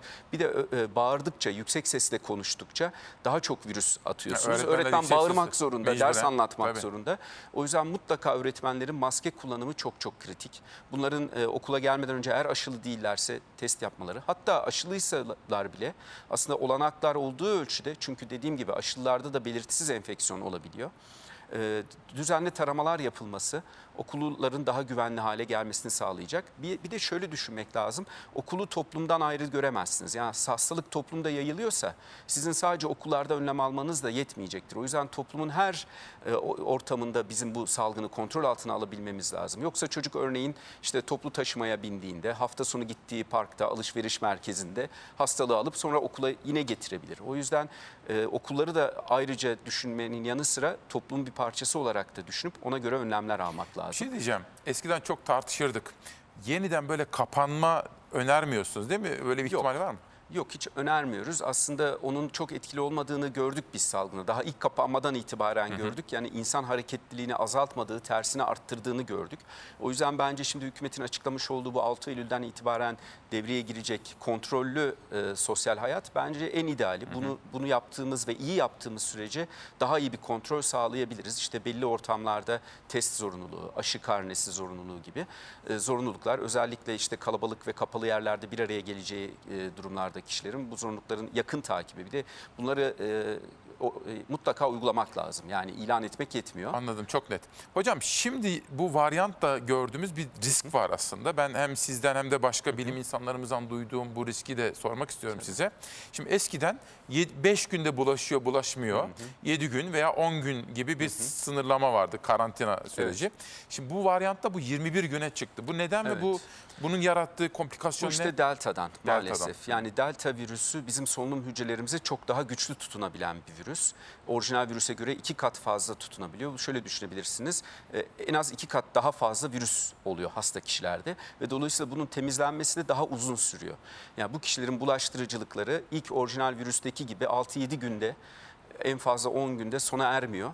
21 güne kadar azalmakla beraber elbette ki azalıyor. Yine en fazla bulaştırıcılık ilk haftada ama e, giderek azalsa da bir bulaştırıcılık devam ettiği için biz o kişileri 21 gün toplumdan izole etmek zorundayız. Delta varyantıyla enfektelerse. Tabii bu da şöyle bir sıkıntıya da sebep oluyor. Ee, insanlarımız e, solunum yolu enfeksiyonu belirtileri olunca hani gidip test vermekten bu sefer imtina ediyorlar. Ee, öyle yapmasınlar lütfen. Evet 21 gün belki evde kalmaları onlar açısından türlü sorunlara sebep olacak ama e, delta da çok bulaştırıcı. Bir kişi 6 kişiye bulaştırabiliyor. Dolayısıyla test vermeyip normal hayata devam ederlerse çok fazla e, kişiyi enfekte edebilirler. O yüzden e, şurada mümkün değil. İşte bize çok geliyor. İşte klima çarptı galiba. İşte e, dün çok soğuk su içtim o yüzden boğazım ağrıyor e, galiba gibi. E, hayır, e, herhangi bir belirtiyle biz bunun koronavirüs olup olmadığını anlayamayız. O yüzden herhangi bir solunum enfeksiyonu belirtisi olan herkesin lütfen test yaptırmasını Öyle mi? Yani Bunu tavsiye akıntısı, boğaz ağrısı tek başına olabilir. Tabii çünkü o kişi de eğer yakalarsak biz o kişiyi toplumdan ayırarak hastalığın toplumda yayılmasını engellemiş olacağız. Belki o kişiye bir tedavi vermeyeceğiz. Çoğu özellikle aşılar işte hafif geçiriyor. Zaten de şu an elimizde etkili bir antiviral tedavisi yok ilk hafta kullanabileceğimiz. E, Dolayısıyla belki o kişi için e, sadece evde kalması ve dinlenmesi yeterli olacak iyileşmek için. Ama topluma bulaşmasını engellemiş olacağız. Hocam bu işin gidişi şuraya mı? Bu grip aşısı ol- oluyoruz ya ya da büyüklerimizi, anne babalarımızı korumak için yılda bir e, sonbaharda grip aşısı yaptırıyorduk. Bu korona ile mücadelede de herhalde bu yılda bir aşıya mı gidiyor? Ee, öyle gibi. E, O yılda bir mi olur, iki yılda bir mi olur, e, daha uzun aralıklarla mı olur? O biraz aşıların tipine göre değişecek birincisi. İkincisi de virüsün değişme hızına göre değişecek. Aslında gripte de tamamen böyledir. Grip aşısı inaktif bir aşıdır. O yüzden yaklaşık 6 ay civarında bir koruma sağlar.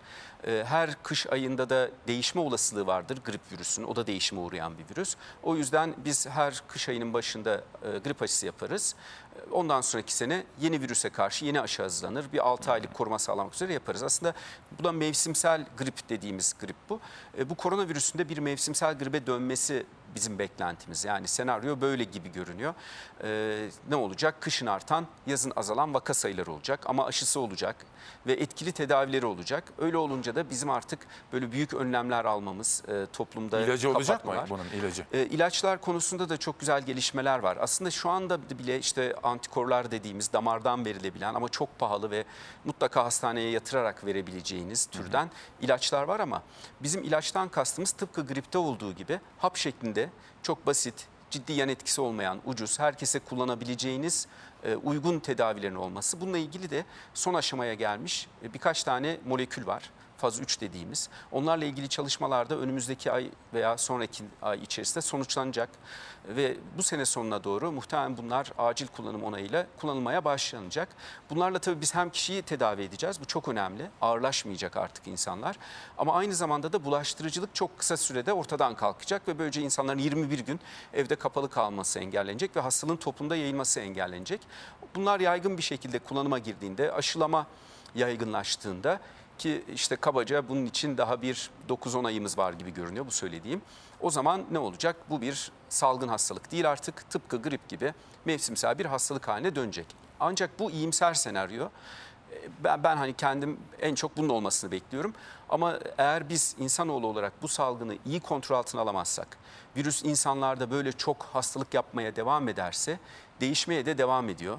Ve değiştikçe de aşıdan daha iyi kaçabiliyor. Dikkat ederseniz hani Evet. önceki varyantlar daha e, e, az etkileniyordu. Yani aşılarda aşılar onlardan daha az etkileniyordu. Şimdikiler delta e, aşıların etkinliğini çok azalttı. Böyle giderse aşıdan kaçabilen varyant çıkabilir. Bizim endişemiz o. Aşılanmayan insan sayısı arttıkça ve oranı Ve hastalanan Varyant. insan aslında. Tabii. Aşılı olsun olmasın İsmail Bey. Yani her bir insan vakası virüs için değişim açısından bir okul, bir fırsat görevi görüyor. O yüzden biz dünyada insan vaka sayısını olabildiğince azaltmalıyız ki bu kaçınılmaz. Yani mutlaka aşıdan kaçan bir varyant çıkacak. Ama bunu geciktirmeliyiz biz. O zamana kadar ilaçlar olsun elimizde. Aşı çok yaygınlaşsın. Ve böylelikle aşıdan kaçsa bile bizim açımızdan bir sorun olmasın. Zaten birkaç ay içerisinde yeni aşılar hemen yapılır ve dünyada yaygın bir şekilde onlar da kullanıma girer. Peki. Alpay Azap Hocam çok teşekkür ediyorum. Ben Ayaklarınıza teşekkür ederim sağlık, yüreğinize, için. dilinize sağlık. Efendim ben Alpay Azap Hocam'ı uğurlayacağım ama dün 30 Ağustos'ta Zafer Bayramı kutlamalarında tabii ülkemizin kurucusu, büyük önderimiz, rol modelimiz Atatürk'e de koştuk. Fakat orada bir takım gelişmeler yaşandı. Fox'un çok deneyimli muhabir ve kameramanların gözünden bazı detaylar kaçmadı. Bunu günün yorumsuz haberi olarak sizlere sunacağım. Yorumu sizden bekliyorum. Haberi o nedenle dikkatle takip edin ve yorumunuzu sonra bana aktarın olur mu?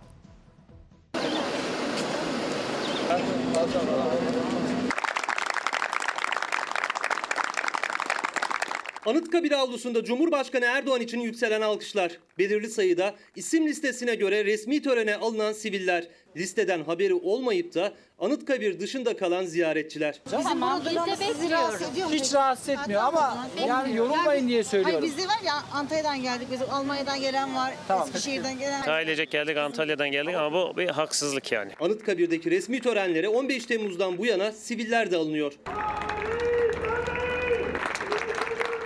O sivillerin resmi bayramlarda hatta 10 Kasım'da bile Cumhurbaşkanı Erdoğan lehine tezahüratları büyük tartışma yaratmıştı. 30 Ağustos'un 99. yıl dönümünde de Anıtkabir'deki resmi törenlerde yine siviller avludaydı. Önceden isimleri belli olan siviller. Anıtkabir'deki resmi tören başlamadan önce Cumhurbaşkanlığı korumalarının elinde isim listesi var.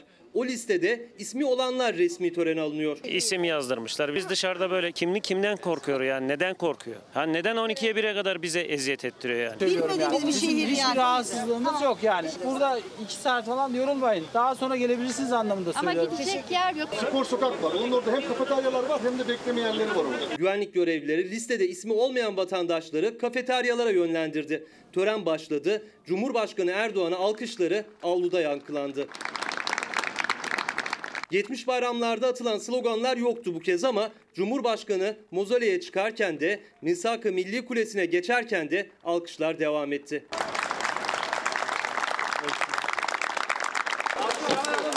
Anıtkabir mezarlığının olduğunuzu unutmayın efendim. Askerin bu uyarısıysa listeyle içeriye girenlere değildi. Resmi tören bitti. Cumhurbaşkanı gitti. Listeyle törene alınanlar da Anıtkabir halka açıldı. Anıtkabir'de nöbet tutan Mehmetçiği alkışlayanlar uyarıyla karşılaştı. Anıtkabir mezarlığının olduğunuzu unutmayın. Şimdi bu sene şöyle bir şey danışmanım önerdi. Nihal Kemaloğlu dedi ki bazı haberleri sen yorumluyorsun. Güzel. Bazen mesaj alıyorsun. Bu sene şöyle bir uygulamaya gidelim ne dersin dedi ve ben de konuştum hakikaten mantıklı. Bazı haberleri sizin yorumunuza bırakacağım. Ben o konuda yorum yapmayacağım. Sizlerden yorumlar gelsin istiyorum. Mesela bu haber bizim Fox kameramanlarının ve muhabirlerinin o detaycı, o detayları yakalayan bakış açılarının eseri. Tabii sizlerin yorumunuzu çok merak ediyorum bu konuda. Bana bu konuda yazarsanız Instagram, Twitter nereden yazabiliyorsanız onları mutlaka okumak istiyorum efendim. Şimdi biraz evvel sizlere bir son dakika gelişmesi aktarmıştım. Yalnızca Türk tiyatrosu için değil hepimiz için büyük bir kayıptır. Ferhan Şensoy'u kaybettik. Tiyatromuzun usta sanatçısıydı. Özgün bir kişilik ve kimlikti. Ülkesini, yurdunu, ülkesinin insanını, cumhuriyetini çok seven, üretken bir isimdi. Ve kesinlikle yeri doldurulamayacak bir isimdir efendim Ferhan Şensoy. Gerçekten haberi aldığım zaman çok üzüldüm. Çünkü bizim kültürümüze, tiyatromuza büyük emekler vermiş, büyük hizmetlerde bulunmuş bir isimdi. Yitirdik onu maalesef. Çok üzüntülüyüz ve kendisini bundan sonra unutturmayacağız. Hem bugün, yarın, bundan sonraki dönemlerde 31 Ağustos'larda biz sizlere onu, onun aziz hatırasını yaşatmaya ve canlı tutmaya devam edeceğiz efendim. Gerçekten üzüntülüyüz. Yeri doldurulamaz, üretken bir sanatçımızdı. Kendisine rahmet diliyorum. Sevenlerine, ailesine, tiyatro severlere ve ülkemize sabır diliyorum. Aydınlık Türkiye konusunda efendim. Şimdi tabii bu bizim 9. yılımız. İsmail Küçükkaya ile Çalarsat ailesi olarak Ankara'dayız. Dün ikinci meclisteydik. Doğan Şentürk geldi. Fox'un yayın ilkelerinden bahsetti. Biraz sonra o ilkeleri bir hatırlatacağız. Çünkü Fox'un üstlenmiş olduğu misyon ülkemiz adına çok önemli. Ülkemizin demokrasisini yaşaması bakımından ve Doğan da dün çok net ifadelerle o ilkelerimizi hatırlattı. Biraz sonra sizlere kısa bir özet olarak onları da sunacağım. Aynı zamanda tabii bağlı bulunduğumuz değerler manzumesinin başında büyük önderimiz Cumhuriyetimizin kurucusu Atatürk'ün savuna geldiği, bizlere emanet bıraktığı, miras bıraktığı değerler var. O nedenle çocuklarımız başta gençlerimiz dahil ve hepimize milli mücadele dönemini hatırlatmak boynumuzun borcudur. Bu senede 9. yılımızda yine böyle güzel eserlerden, tarihi anekdotlarla Cumhuriyetimizi hatırlatacağız. Bakın Anadolu işgal altında emperyalist güçler gelmişler Anadolu'yu paylaşmaya çalışıyorlar. Gazi Mustafa Kemal bir yolculuğa çıkar 16 Mayıs'ta 1919'da Samsun'a doğru yola çıkar. O yolculuğun sonunda Kuvayi Milliye Türkiye Cumhuriyeti'ni kuracaktır. Mustafa Kemal olarak çıktığı yolculuktan o Atatürk olarak sonsuza kadar yaşayacak bir isim ve sonsuza kadar yaşayacak bir cumhuriyet kurmuştur. Hikmet Özdemir hocamızın kitabında. Bu sene zaman zaman alıntılar yapacağım. Sivas'tan sonra biliyorsunuz Anadolu'yu karış karış dolaşacak ve Ankara'ya, buraya gelecek. Biz de burada Yeni Mahalle Belediyesi'nin Nazım Hikmet Kültür Merkezi'nden sizlere sesleniyoruz. Bakın otomobili onarıldı. Lastikler sürekli patlamaktadır. Sivas'tan Ankara'ya doğru yolculuk. O arada Hacı Bayram'a gelirler. Atamız orada görüşmeler yapar. Hacı Bayram köyünde bir süre dinlenirler. Bir köylü paşa der, paşa hazretleri. Yunan'ın İzmir'e çıktığını duyduk, doğru mudur? Paşa der ki, doğrudur. Doğrudur ama hiç kaygılanmayınız. Düşmanların hakkından hep birlikte geleceğiz der Gazi Mustafa Kemal Atatürk. Bu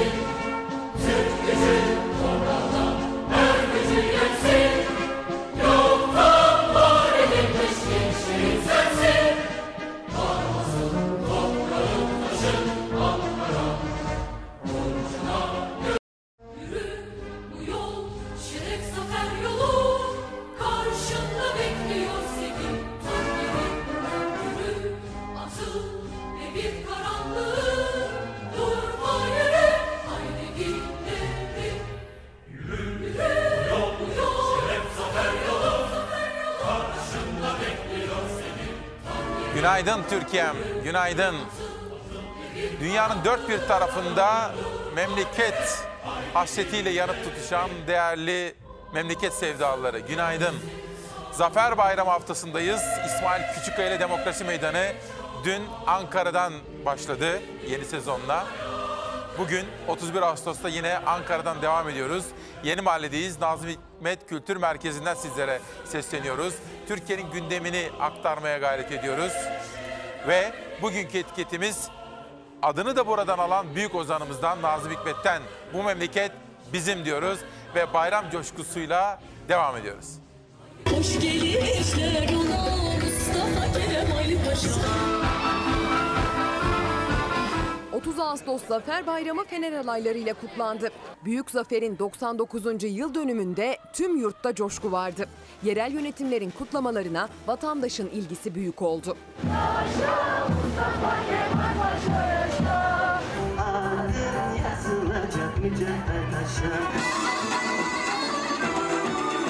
Hakkari'den Edirne'ye yurdun dört bir yanında yankılandı Mustafa Kemal Atatürk'e duyulan minnet. Mustafa Kemal Atatürk'e bu şanlı zaferi bize kazandırdığı için gerçekten çok teşekkür ediyoruz.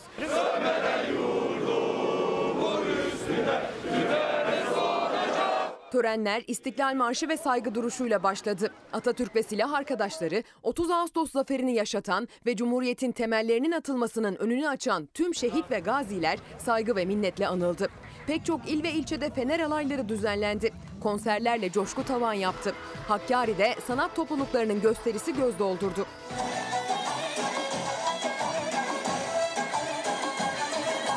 Sivas'ta bayraklar ve meşalelerle Fener Alayı düzenlendi. Niğde'de Fener Alayı'na mehter takımı eşlik etti. Tekirdağ Süleyman Paşa'da da mehter takımı eşliğinde yürüdü 30 Ağustos Fener Alayı'na katılanlar. Tokat'ta ise 60 metre uzunluğundaki Türk bayrağını gururla taşıyarak yürüdüler. Biz Atatürk'ün askerleri olarak onun yolunda ilerliyoruz. Çok onur verici, gurur verici ki Türk'üm ne mutlu Türk'üm diyeni. 30 Ağustos Zafer Bayramımız kutlu olsun.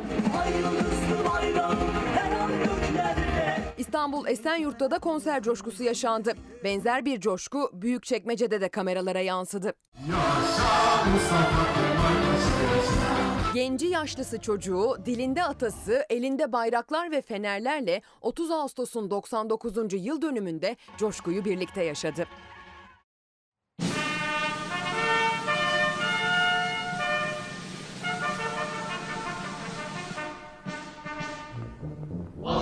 Sizleri Ankara'dan selamlıyoruz. Ankara'da olmanın heyecanı içerisindeyiz. Cumhuriyeti sonsuza kadar yaşatmak için Kuvayi Milliye ruhunu büyüklerimizin Mustafa Kemal Atatürk'ün etrafında nasıl kenetlendiğini, o zorlu dönemde nasıl emperyalist güçlerle savaştıklarını ve yurdumuzu, ana vatanımızı düşman işgalinden nasıl kurtardıklarını unutacak değiliz. Peki erken saatlerde farklı gazetelere bakmıştık. Cumhuriyet Gazetesi acaba dünkü bayramı ve zafer haftasını nasıl görmüş, birinci sayfada okurlarına nasıl aktarmış?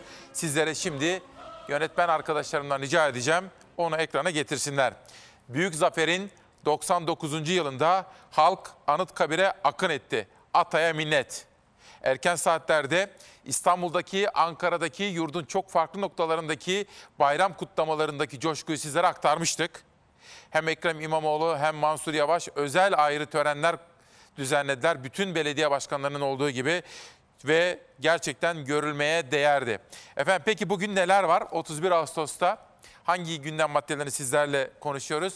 Tabii erken saatlerde hem Pencere gazetesi hem Sözcü gazetesinde de vardı detaylar. Eski bakanlardan Erdoğan Bayraktar'ın sözleri, 17-25 Aralık'a ilişkin açıklamaları ve sonrasında Cemil Çiçek'in yaptığı açıklamalar, Erdoğan Bayraktar'ın yanlış anlaşıldım, sözlerin bağlamından koparıldı dediği mesele siyasette önemli bir gündem maddesi oldu. Bugün Barış Pehlivan Cumhuriyet Gazetesi'nde Cemil Çiçek de konuşmuş. AK Parti'nin kurucularından ve halen de Cumhurbaşkanlığı Yüksek İstişare Kurulu üyesi Cemil Çiçek bakın Cumhuriyet'in birinci sayfasında ne diyor? Erdoğan Bayraktar'ın tanık gibi gösterdiği Cemil Çiçek kimsenin gerekçesi olmam diyerek ekledi. Bayraktar hakkındaki iddialar diğer üç bakanınkinden ayrıydı. Hani 17-25 Aralık sürecine ilişkin Erdoğan Bayraktar diyor ki diğer üç bakanla benim durumum ayrı. Cemil Çiçek de bunu doğruluyor. Usule ilişkin uyarılar yaptım diyor. Cemil Çiçek o tarihte meclis başkanıydı. Dosyalar Yüce Divan'a gitseydi bugün bunlar konuşulmazdı. Bakın bugün Cumhuriyet Gazetesi birinci sayfasında editörler dönemin TBMM Başkanı Cemil Çiçek Yüce Divan'a gitmeliydiler diyor. Barış Pehlivan önemli bir habere imza atmış Cemil Çiçek'le konuşarak bir atlatma haber. Bu gündem maddelerinden birisi. Bir diğeri Sezgin Baran Korkmaz var. Şu son yıllarda gördüğümüz tuhaf tuhaf tipler milyar dolarlık servetlere nasıl edindiler?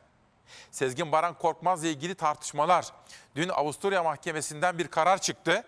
Türkiye'nin iade talebini kabul ettiler ama ama Amerika'nın da Sezgin Baran Korkmaz'ı Sezgin Baran Korkmaz kim? Kara para aklamak gibi suçlamalarla karşı karşıya. Cumhuriyet'ten okuyorum. İade talebi kabul edildi Türkiye'nin ama Amerika'nın iade talebini de görüşecek mahkeme. Türkiye'nin kara para aklamak ve dolandırıcılık gibi suçlamalar nedeniyle Amerika'nın talebi üzerine Avusturya'da tutuklanan iş insanı Sezgin Baran Korkmaz hakkındaki iade başvurusu kabul edildi. Korkmaz'ın durumu Amerika'nın iade talebinin değerlendirilmesinin ardından netleşecek. Tabii erken saatlerde bir izleyenim de soruyordu. 2021 yılının en dikkate değer gelişmelerinden birisi, gündem maddelerinden birisi de Sedat Peker'in yaptığı açıklamalar ve bunun siyasete yansımaları oldu. Tabii hukuki bir sonuç henüz doğurmuş değil ama Sedat Peker'in yaptığı açıklamalar da son derece önemliydi. İşte birkaç gündür Ankara'dayız. Her nereye gittiysek de onunla ilgili konuşmalar fısıldanıyor, konuşuluyor. Kulaktan kulağa yayılıyor efendim. Bu ikisi önemli gündem maddelerinden birisi. Bir diğeri. Sizlere pazar günü sormuştum. Yeni yayın döneminde hangi haberleri sizlerle paylaşalım? Yaptığınız önerilerden birisi de orman yangınlarıydı. Dün başladık. Hatta ben Tunceli Belediye Başkanı Fatih Mehmet Maçoğlu'yla da konuşmuştum.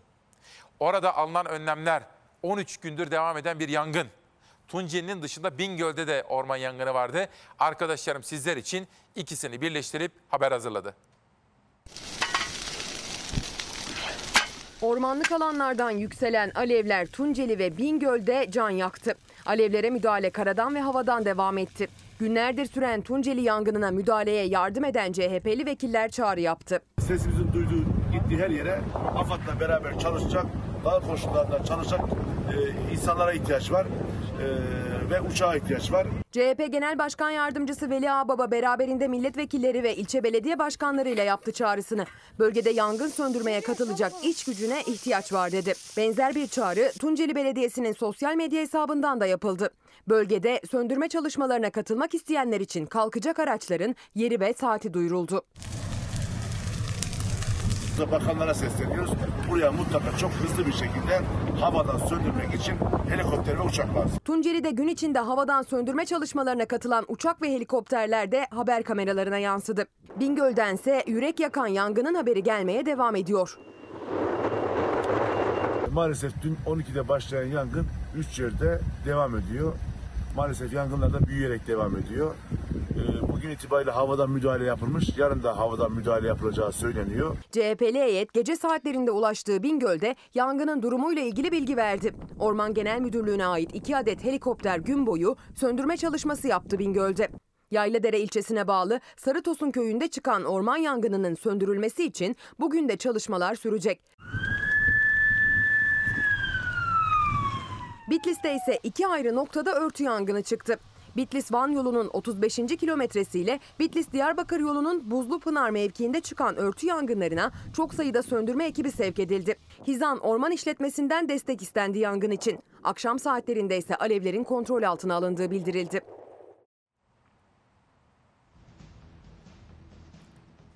Tunceli'ye ve Bingöl'e de geçmişler olsun. Şimdi geçen sezonumuzun sonunda sizlerle vedalaşınca Eylül'de görüşmek üzere. Ben ilk önce çökertme tarafına gitmiştim. Oradaki dağ köylerine gitmiştim. Oradaki yurttaşlarımızla, köylülerimizle de buluşmuştum. Sonra orman yangınları geldi. Çok üzüldük ve o ziyaret ettiğimiz köylerde de oraların ormanlarında da yangınlar çıkmıştı. Yüreğimiz dağlanmıştı. Hepiniz gibi ben de çok çok üzülmüştüm. Ve hemen bir takım planlarımı değiştirdim ve bölgeye gittim. O ziyaret ettiğim köyleri çökertme dahil olmak üzere ziyaret ettim. Daha evvel tanıştığım oradaki köylülerle, büyüklerimizle sohbet ettik. Onlara geçmiş olsun dileklerinde bulundum. Onlar da Çalarsat ailesiydi. Ve hafta sonunda Bir Pınar, Bakan Yardımcısı Bir Pınar da paylaştı. Belediye başkanları da paylaştılar. Ormanlık alanlar yangından sonra eğer müdahale etmez isek tabiat kendiliğinden kendisini onarıyor, tedavi ediyor ve yeşeriyordu. Nitekim böylesine haberler vardı. Dün de sizlere aktarmıştık bunları. Fakat bu taraftan doğa kendisini onarırken bir taraftan da 30 Ağustos'ta çökertme moral buldu.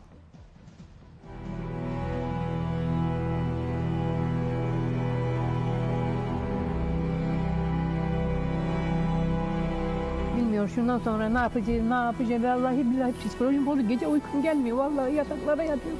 Uyumak istemiyorum hiç.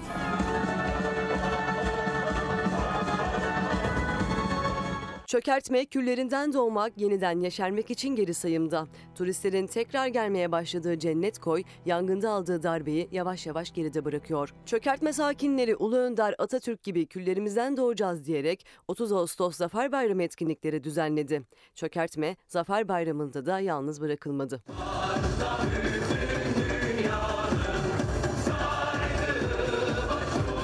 Ege sahillerinin cennet koyu çökertme 11 gün süren yangınlarda tam 3 gün boyunca alevlere teslim oldu. Sadece mahalle sakinlerinin değil, herkesin korkunç görüntüler karşısında boğazı düğümlendi.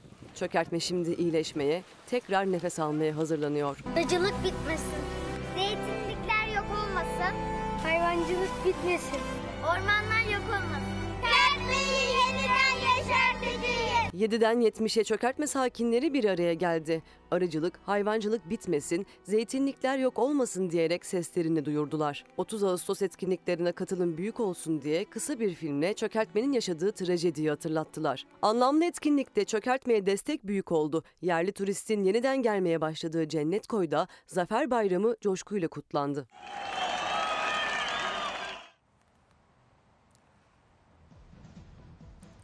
Öyledir efendim. Ülkesini sevmek demek, ülkesini korumak demektir.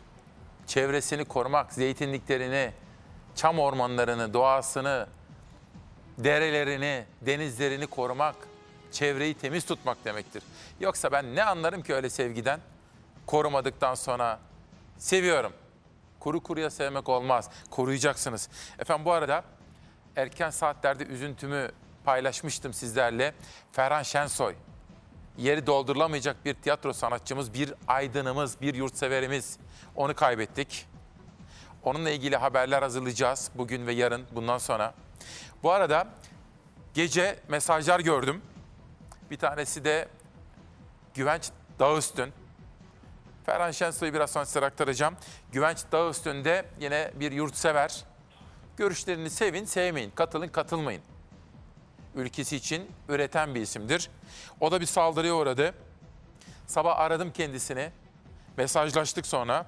Dedi ki ne oldu geçmiş olsun dedim. Güvenç Dağüstün Abi ne olduğunu anlamadık. Konser çıkışındaydı. iki kişi saldırdı. Bazı kelimeler söylemişler. Onları ben canlı yayında ifade etmeyeceğim. Ne olduğunu bile anlamadık. Saldırganlık bu. Şu anda tek gözüm kapalı. Sabaha kadar hastanede kaldım dedi. Üstüne üstlük biraz önce senden de öğrendim ki Ferhan abiyi kaybetmişiz dedi. Bakın ben bu arada son zamanlarda bu saldırılar da artmaya başladı. Özellikle de muhalif kimlikleriyle tanınan isimler, sanatçılar, gazeteciler, siyasiler peş peşe saldırılara uğruyorlar. Burada bu ülkenin İçişleri Bakanlığı ne yapıyor? Emniyet güçlerimiz ne yapıyor diye bir soruyu sormak isterim. Bu saldırılar kendiliğinden mi oluyor? Organize mi? E, peki organize ise neden önlem almıyoruz? Devletimiz çok güçlü değil mi? Şeklindeki bir soruları da burada mutlaka sormak istiyorum. Güvenç Dağı üstüne de hem kişisel olarak ilettim. Sizlerin de Çalar Saat ailesinde geçmiş olsun duygularını da aktarmak istiyorum. Biliyorsunuz aynı zamanda kendisi Bir Gün gazetesinde yazıyor. Çevreyi yazar, doğayı yazar aynı zamanda ve özellikle hayvanları, sokak hayvanlarını da seven, onları da gözeten bir isimdir. Ona da içtenlikle geçmiş olsun mesajlarında bulunmak istiyorum. Az evvel bir izleyenimin sorusu üzerine Sedat Peker'le ilgili tartışmalardan bahsetmiştim. 2021 yılının en önemli olaylarından birisi. Organize suç örgütü lideri olmakla itham ediliyor kendisi ve şu anda da Birleşik Arap Emirlikleri'nde. Yaptığı açıklamalar geçtiğimiz aylarda çok büyük gündem konuları olmuştu. Dün sürpriz bir görüşme gerçekleşti. Kim olabilir efendim? Kim kimle görüşmüş olabilir bana söyler misiniz? Erdoğan görüştü diyelim. Kimle görüşmüş olabilir? Cumhurbaşkanı Erdoğan. Evet. Türkiye'yi adeta düşman gibi gören ve bunu da saklamayan, hatta 15 Temmuz hain FETÖ kalkışmasında arkasında olduğu iddia edilen, evet, Birleşik Arap Emirlikleri Veliaht Prensi ile Cumhurbaşkanı Recep Tayyip Erdoğan görüştü. Çok önemli bir görüşme. Son yıllarda gergin seyreden Türkiye Birleşik Arap Emirlikleri ilişkilerine yeni yön verecek bir görüşme gerçekleşti. Cumhurbaşkanı Erdoğan, Birleşik Arap Emirlikleri Veliaht Prensi Nahyan'la telefonda görüştü. İki ülke ilişkilerini değerlendirdi. Türkiye ile Birleşik Arap Emirlikleri arasında son yıllarda bölgesel konular üzerinden ipler gergindi. İki ülke arasında diplomatik temaslar üst seviyeye çıktı gece saatlerinde gerçekleşen bir telefon görüşmesiyle. Cumhurbaşkanı Recep Tayyip Erdoğan, Birleşik Arap Emirlikleri Abu Dhabi Veliaht Prensi Nahyan'la telefonda görüştü. İletişim Başkanlığı'ndan yapılan açıklamaya göre görüşmede iki ülke ilişkileri ve bölgesel konular ele alındı. Birleşik Arap Emirlikleri'nden yapılan açıklamaya göre ise Erdoğan ve Nahyan görüşmede dost iki halk ve ülkenin ortak çıkarlarına hizmet edecek şekilde güçlendirilmesi ve kalkındırılmasının yollarını ele aldılar ifadesi kullanıldı. Görüşmede bölgesel ve uluslararası bazı meselelerde görüş alışverişi yapıldığı belirtildi. Erdoğan ve Nahyan'ın görüşmesi sonrası iki ülke ilişkilerinde buzlar ne kadar eriyecek onu zaman gösterecek. Zafer Söken bu dosya çalışmasını hazırladı. Bence çok önemliydi. Tabii resmi açıklamalar ve açıklama açıklanmayan hususlar önemli. Biz de bunu takip listemize aldık ki İsmail Küçükkaya ile Çalarsat ailesi olarak önemli. Tabii rahatsızlanan izleyenlerimiz de var. Alaaddin Kutay abimizin rahatsızlandığını, hastanede olduğunu abisinden öğrendim. Alaaddin Kutay abimize çok teşekkür ediyorum ve abisine de ilgileri için teşekkür ediyorum. Alaaddin Kuday abimize de geçmişler olsun diyorum. İnşallah sağ salim aramıza katılır. İlerleyen dönemlerde onu çok seviyoruz, çok özlüyoruz. Bu arada Salih Supi Bey babacığım, Salih Supi Soner de rahatsızlandı ama durumu gayet iyi, tedavisi devam ediyor. O da bir gönül insanı. Salih Supi Bey babacığıma da buradan geçmişler olsun diyorum iyi şeyler düşüneceğiz, tedavimizi olacağız, gönül insan olacağız ve iyileşeceğiz efendim. Siyasette devam etmek istiyorum. Biraz evvel Cumhurbaşkanı Erdoğan'ın yapmış olduğu sürpriz görüşmeden bahsettim. Kılıçdaroğlu'nun gündeminde ne var acaba? Ana muhalefet partisi lideri Kılıçdaroğlu bakın iktidara hangi mesajı gönderdi? 30 Ağustos'un üzerinden 99 yıl geçti. Önümüzdeki yıl Cumhuriyet'in 100. yılını kutlayacağız. 100 yıl geçmiş. 100 yıl içinde pek çok badireyi atlattık. Sorunlarımız oldu. Ama Cumhuriyeti yaşattık ve yaşatmayı sürdüreceğiz. Önümüzdeki seçimlerde Allah'ın izniyle Cumhuriyeti demokrasiyle taşlandıracağız. Güzel demokrasimizi, Mustafa Kemal'in idealinde olan demokrasiyi mutlaka ama mutlaka getireceğiz düşüncesi özgür, söylemlerinde hiçbir kısıtlama olmayan, rahatlıkla herkesin düşüncesini ifade ettiği, hep birlikte yaşadığımız, barış içinde yaşadığımız, güzellikler içinde yaşadığımız güzel cumhuriyetimizi demokrasiyle taşlandıracağız. Bunun sözünü veriyorum. Bunu inşallah hep birlikte yapacağız. Ankara'dan Nazım Hikmet Kültür Merkezi'nden sizlere seslendik.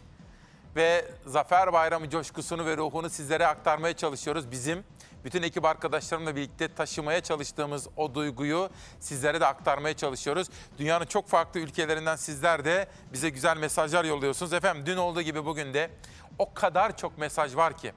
Ama anlatmak istediğim haberler nedeniyle o mesajları burada okuyamıyorum. Vaktinizi almak da istemiyorum. Ama ben onların hepsini okuyorum.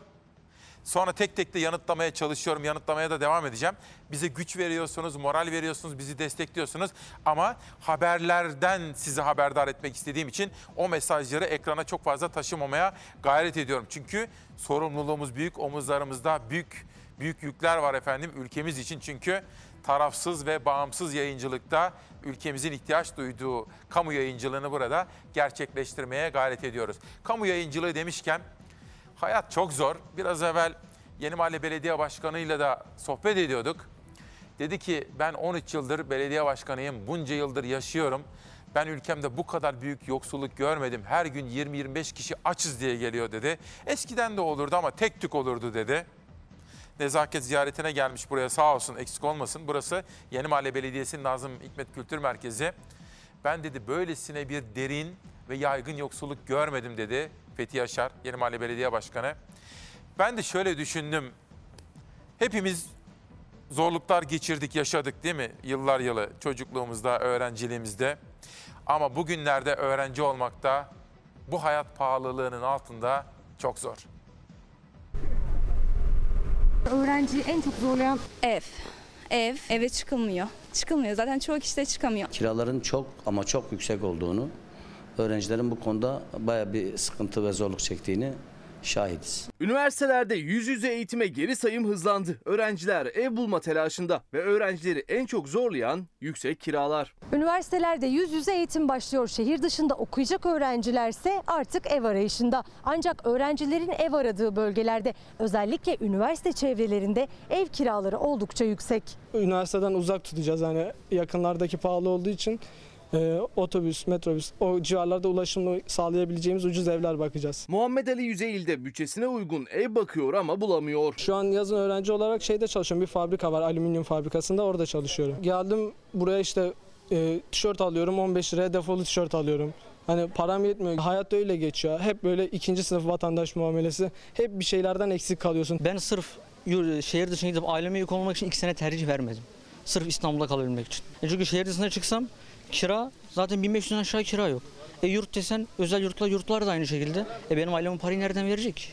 Öyle bir durumlar yok. 2000, 2700, 3000 en az kira olan yerler Bir öğrenci kiralayabiliyor mu? aslı maalesef. Fatih'te İstanbul Üniversitesi'ne yürüme mesafesinde bir kiralık dairedeyiz. Bu daire 3 artı 1 ve eşyalı. Kirası ise 3 bin lira. Ancak çoğu öğrenci bu daireyi tek başına kiralayamıyor. 3 öğrenci paylaşımlı olarak bu daireyi kiralamak istediğinde her öğrencinin 1000 lira ödemesi gerekiyor. Ev istiyordum aslında ama işte yurtlar bu konuda maddi konuda daha iyi olduğu için şu anda yurt bakıyoruz. Kiralar yüksek, öğrencilerin bütçesi yetersiz, devlet yurtları ise kısıtlı. Özel öğrenci yurtları da önceki yıllara göre pahalı.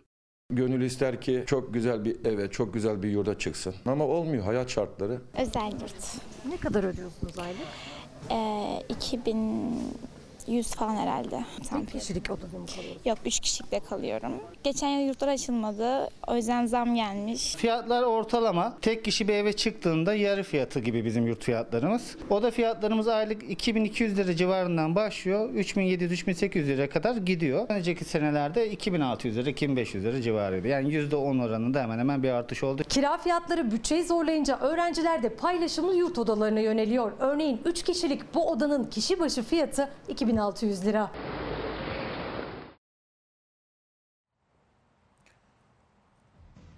Gerçekten de hayat çok pahalı, geçim çok zor. Hele hele böylesine bir dönemde öğrenci olmakta ne kadar zor öyle değil mi efendim? Bunları da unutmayalım. Bu arada Ankara'yı bilenler bilir. Mamak aslında bir gecekondu bölgesi ama uzun zamandır da hizmet bekliyordu. Bir kentsel dönüşüm projesinin dün töreni düzenlenmişti. Bakın orada hangi detayları yakaladık. Tüm başkente, tüm Türkiye'ye hayırlı uğurlu olmasını diliyoruz. Butonlara basıldı. 2103 konutun temeli törenle atıldı. Millet İttifakı Kentsel Dönüşüm Projesi'nin temel atma töreninde bir araya geldi. Projenin düğmesine birlikte bastılar. Tüm Türkiye'ye hayırlı uğurlu olmasını diliyoruz.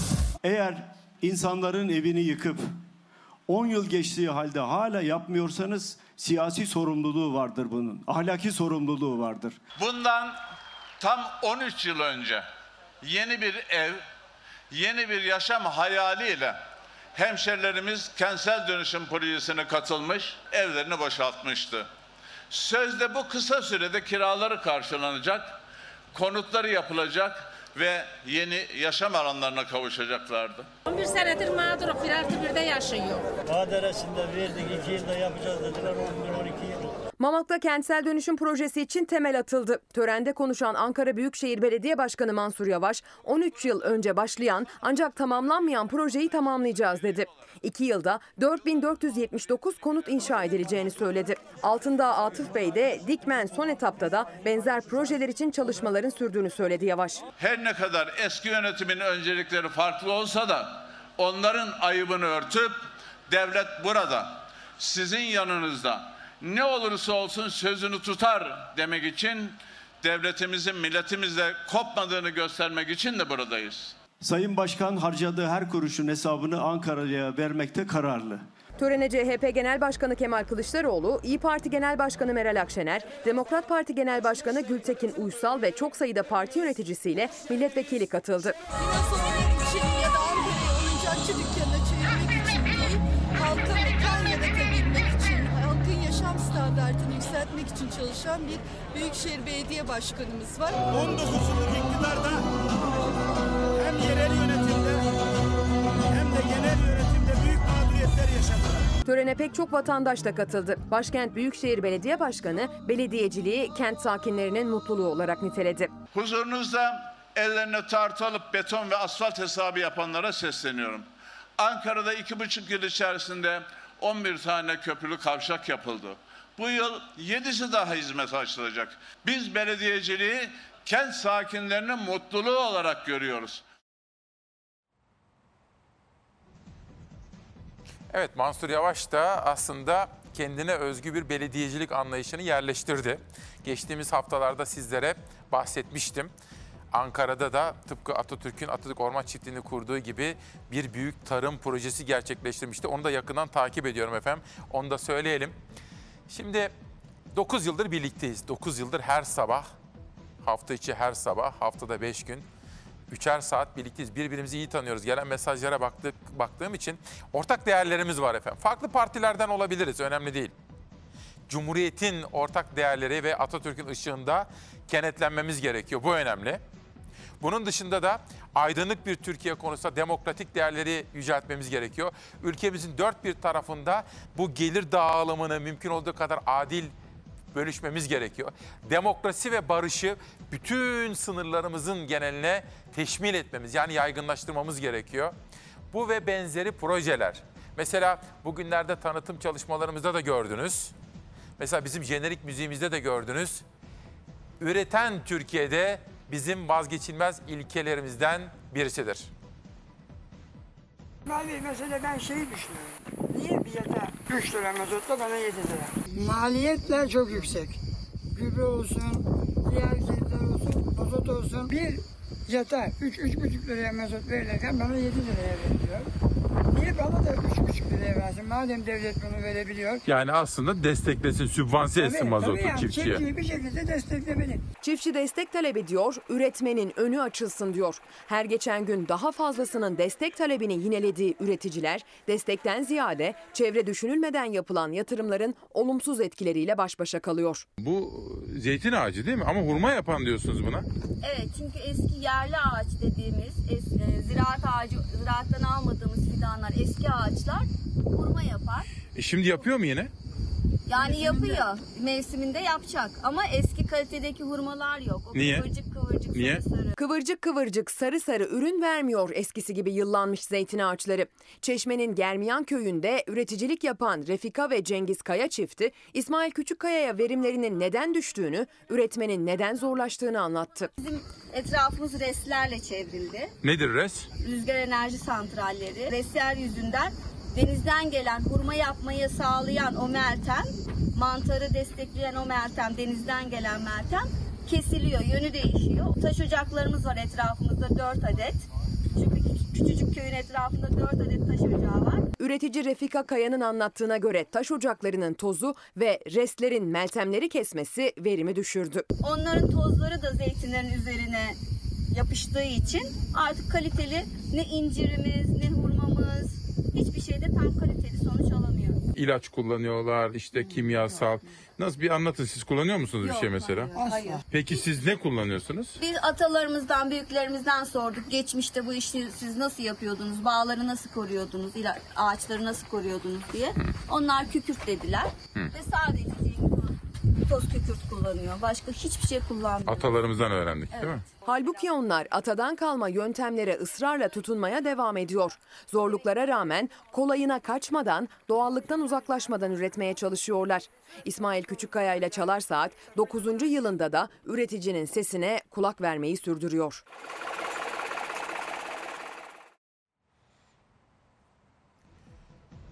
Ezgi Gözeger'e de teşekkür ediyorum emekleri için. Bu arada Beyza Gözeyik arkadaşımız da yine bizimle. Aynı zamanda onun kıymetli annesine de geçmişler olsun diyorum. Bütün aileye de güç ve sabır diliyorum. Şimdi Doğan Şentürk dün buradaydı biliyorsunuz. İkinci Melis'in önünde ve Fox'un bence kitabı yazılacak, bence romanları yazılacak, ileride filmi çekilecek bir hikayedir Fox. Doğan bize yayın ilkelerimizi izleyicilerle birlikte nasıl bir Türkiye hayal ettiğimizi, adım adım nereye doğru gitmek istediğimizi anlattı. Onun küçük bir özetini hazırladık sizlere sunacağım ama önce tabii ben Ankara'da 89'da Ankara'ya geldim, öğrenciydim. Burada yaşadım, 20 yıl burada çalıştım. Ankara gücü maçları da önemlidir efendim bakın şöyle. Ankara gücünü ziyaret ettim. Çok köklü kulüplerimizden bir tanesidir. Ve Faruk Koca başkanla birlikte, başkan yardımcısı da vardı. Sohbet ettik.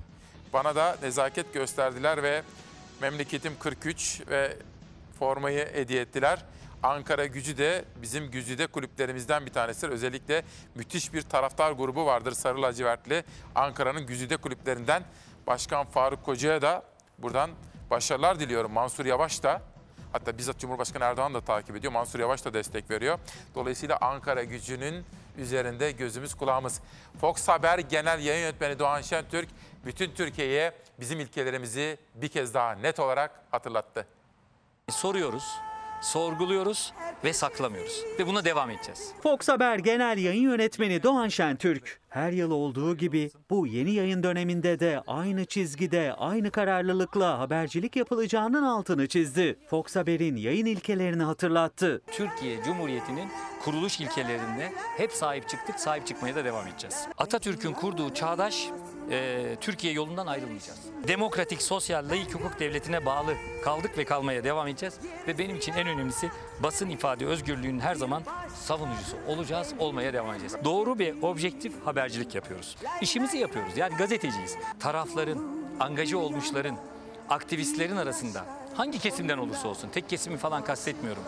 Onların arasında objektif habercilik yaptığınızda muhalif gibi algılanıyorsunuz İsmail. Muhalif gibi. Dolayısıyla işimizi yapmaya, gazetecilik yapmaya devam edeceğiz. Fox Haber yeni sezona çok önemli bir günde çok özel bir adresten merhaba dedi. İsmail Küçükkaya ile Çalar Saat, Cumhuriyet'in kuruluşuna tanıklık eden 2. Meclis binasından buluştu izleyicisiyle. Fox Haber Genel Yayın Yönetmeni Doğan Şentürk, 30 Ağustos Zafer Bayramı'nda Atatürk ilke ve inkılapları kırmızı çizgimiz dedi. 3 yıldır ya Cuma hutbelerinde Atatürk'e dil uzatıyor ya da Atatürk'ü görmezden geliyor. Ya çok basit bir şey soracağım. Laiklik olmasaydı, Mustafa Kemal devrimleri olmasaydı ki laikliği, laiklik de bunun içinde. İlkeler olmasaydı, devrimler olmasaydı, seküler bir e, devlet anlayışı olmasaydı sen o lüks araçla Diyanet İşleri Başkanlığı yapabilir miydin? Ya değil mi? Tarikatların cirit attığı bir ülke olsaydı, Afganistan'da sana o lüks araçlarla zırhlı araçlara binip de Diyanet İşleri Başkanlığı yaptıracaklar mıydı? Ya. Atatürk ilke ve inkılapları kesinlikle ve kesinlikle önce Diyanet İşleri Başkanı'na lazım. Doğan Şentürk orman yangınlarını tüm ayrıntılarıyla Türkiye'ye duyuran Fox Haber'e Rütük tarafından verilen cezaya da değindi. Basın özgürlüğüne vurgu yaptı. Sayın Rütük Başkanı'na sesleniyorum. Vicdanınız rahat mı Sayın Başkan? Bu vicdana sığar mı? Yarın öbür gün bu görev süreniz bittiğinde, evinize çekildiğinizde ya gerçekten ben çok adil, çok devlet ferasetiyle, çifte standart yapmadan, kimseyi kayırıp kollamadan, kimseye haksızlık yapmadan görevimi ifa ettim diyebilecekseniz benim size bir sözüm yok. Ama bence diyemeyeceksiniz. Dolayısıyla ben şunu söylüyorum. Bakın anayasa ilkelerini dahi ihlal ediyorsunuz. Anayasada basın özgürlüğü, habercilik güvence altına alınmıştır. Sizi vicdana çağırıyorum. Anayasayı ihlal etmeyin diyorum. Çifte standart yapmayın diyorum. Bırakın insanlar özgür haberciliklerini yapsın.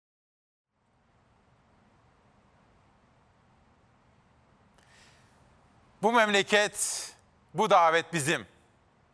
Koşarak gelip uzak Asya'dan Akdeniz'e bir kızrak başı gibi uzanan Bu memleket bizim, bu memleket bizim Bu memleket bizim, bizim Bu memleket bizim, bu memleket bizim Bu memleket bizim, bizim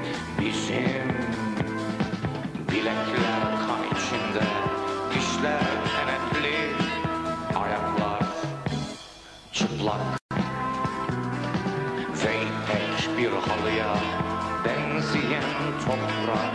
Bu cennet, bu cehennem, bu cennet, bu cehennem, bu cennet, bu cehennem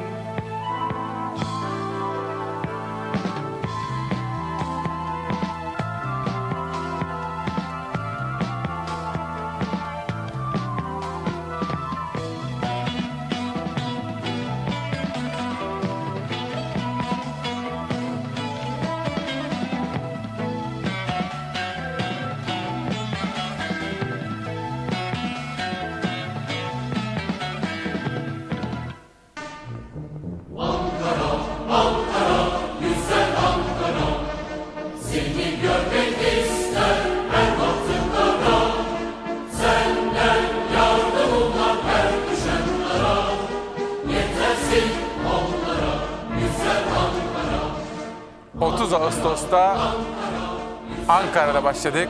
31 Ağustos'ta Ankara'da devam ediyoruz. 1 Eylül'de de sürprizlerimiz var sizler için. Bu coşkuyu, zafer coşkusunu ve Kuvayi Milliye ruhunu sizlere yansıtmak istedik. Hikmet Özdemir'in kitabıyla bugünü noktalamak istiyorum. Kahramanımız 1924'te Yunus Nadi'ye bir mülakat verir. 225 gün süren yaklaşık 2800 kilometrelik yolculuğun hikayesini, Samsun'dan Ankara'ya çıkışın hikayesi. Hakikaten işe memleketin doğusundan başladım. Sonra batıya gitmek zaruretini hissettim. Nihayet Ankara'da durdum ve memleket işlerini milletin arzusu doğrultusunda sevk ve idare etmek için başka yere gitmeye lüzum hissetmedim. Memleketi Ankara'dan kurtaracaktık. Yeni cumhuriyetimizi, yeni devletimizi başkentten kuracaktık.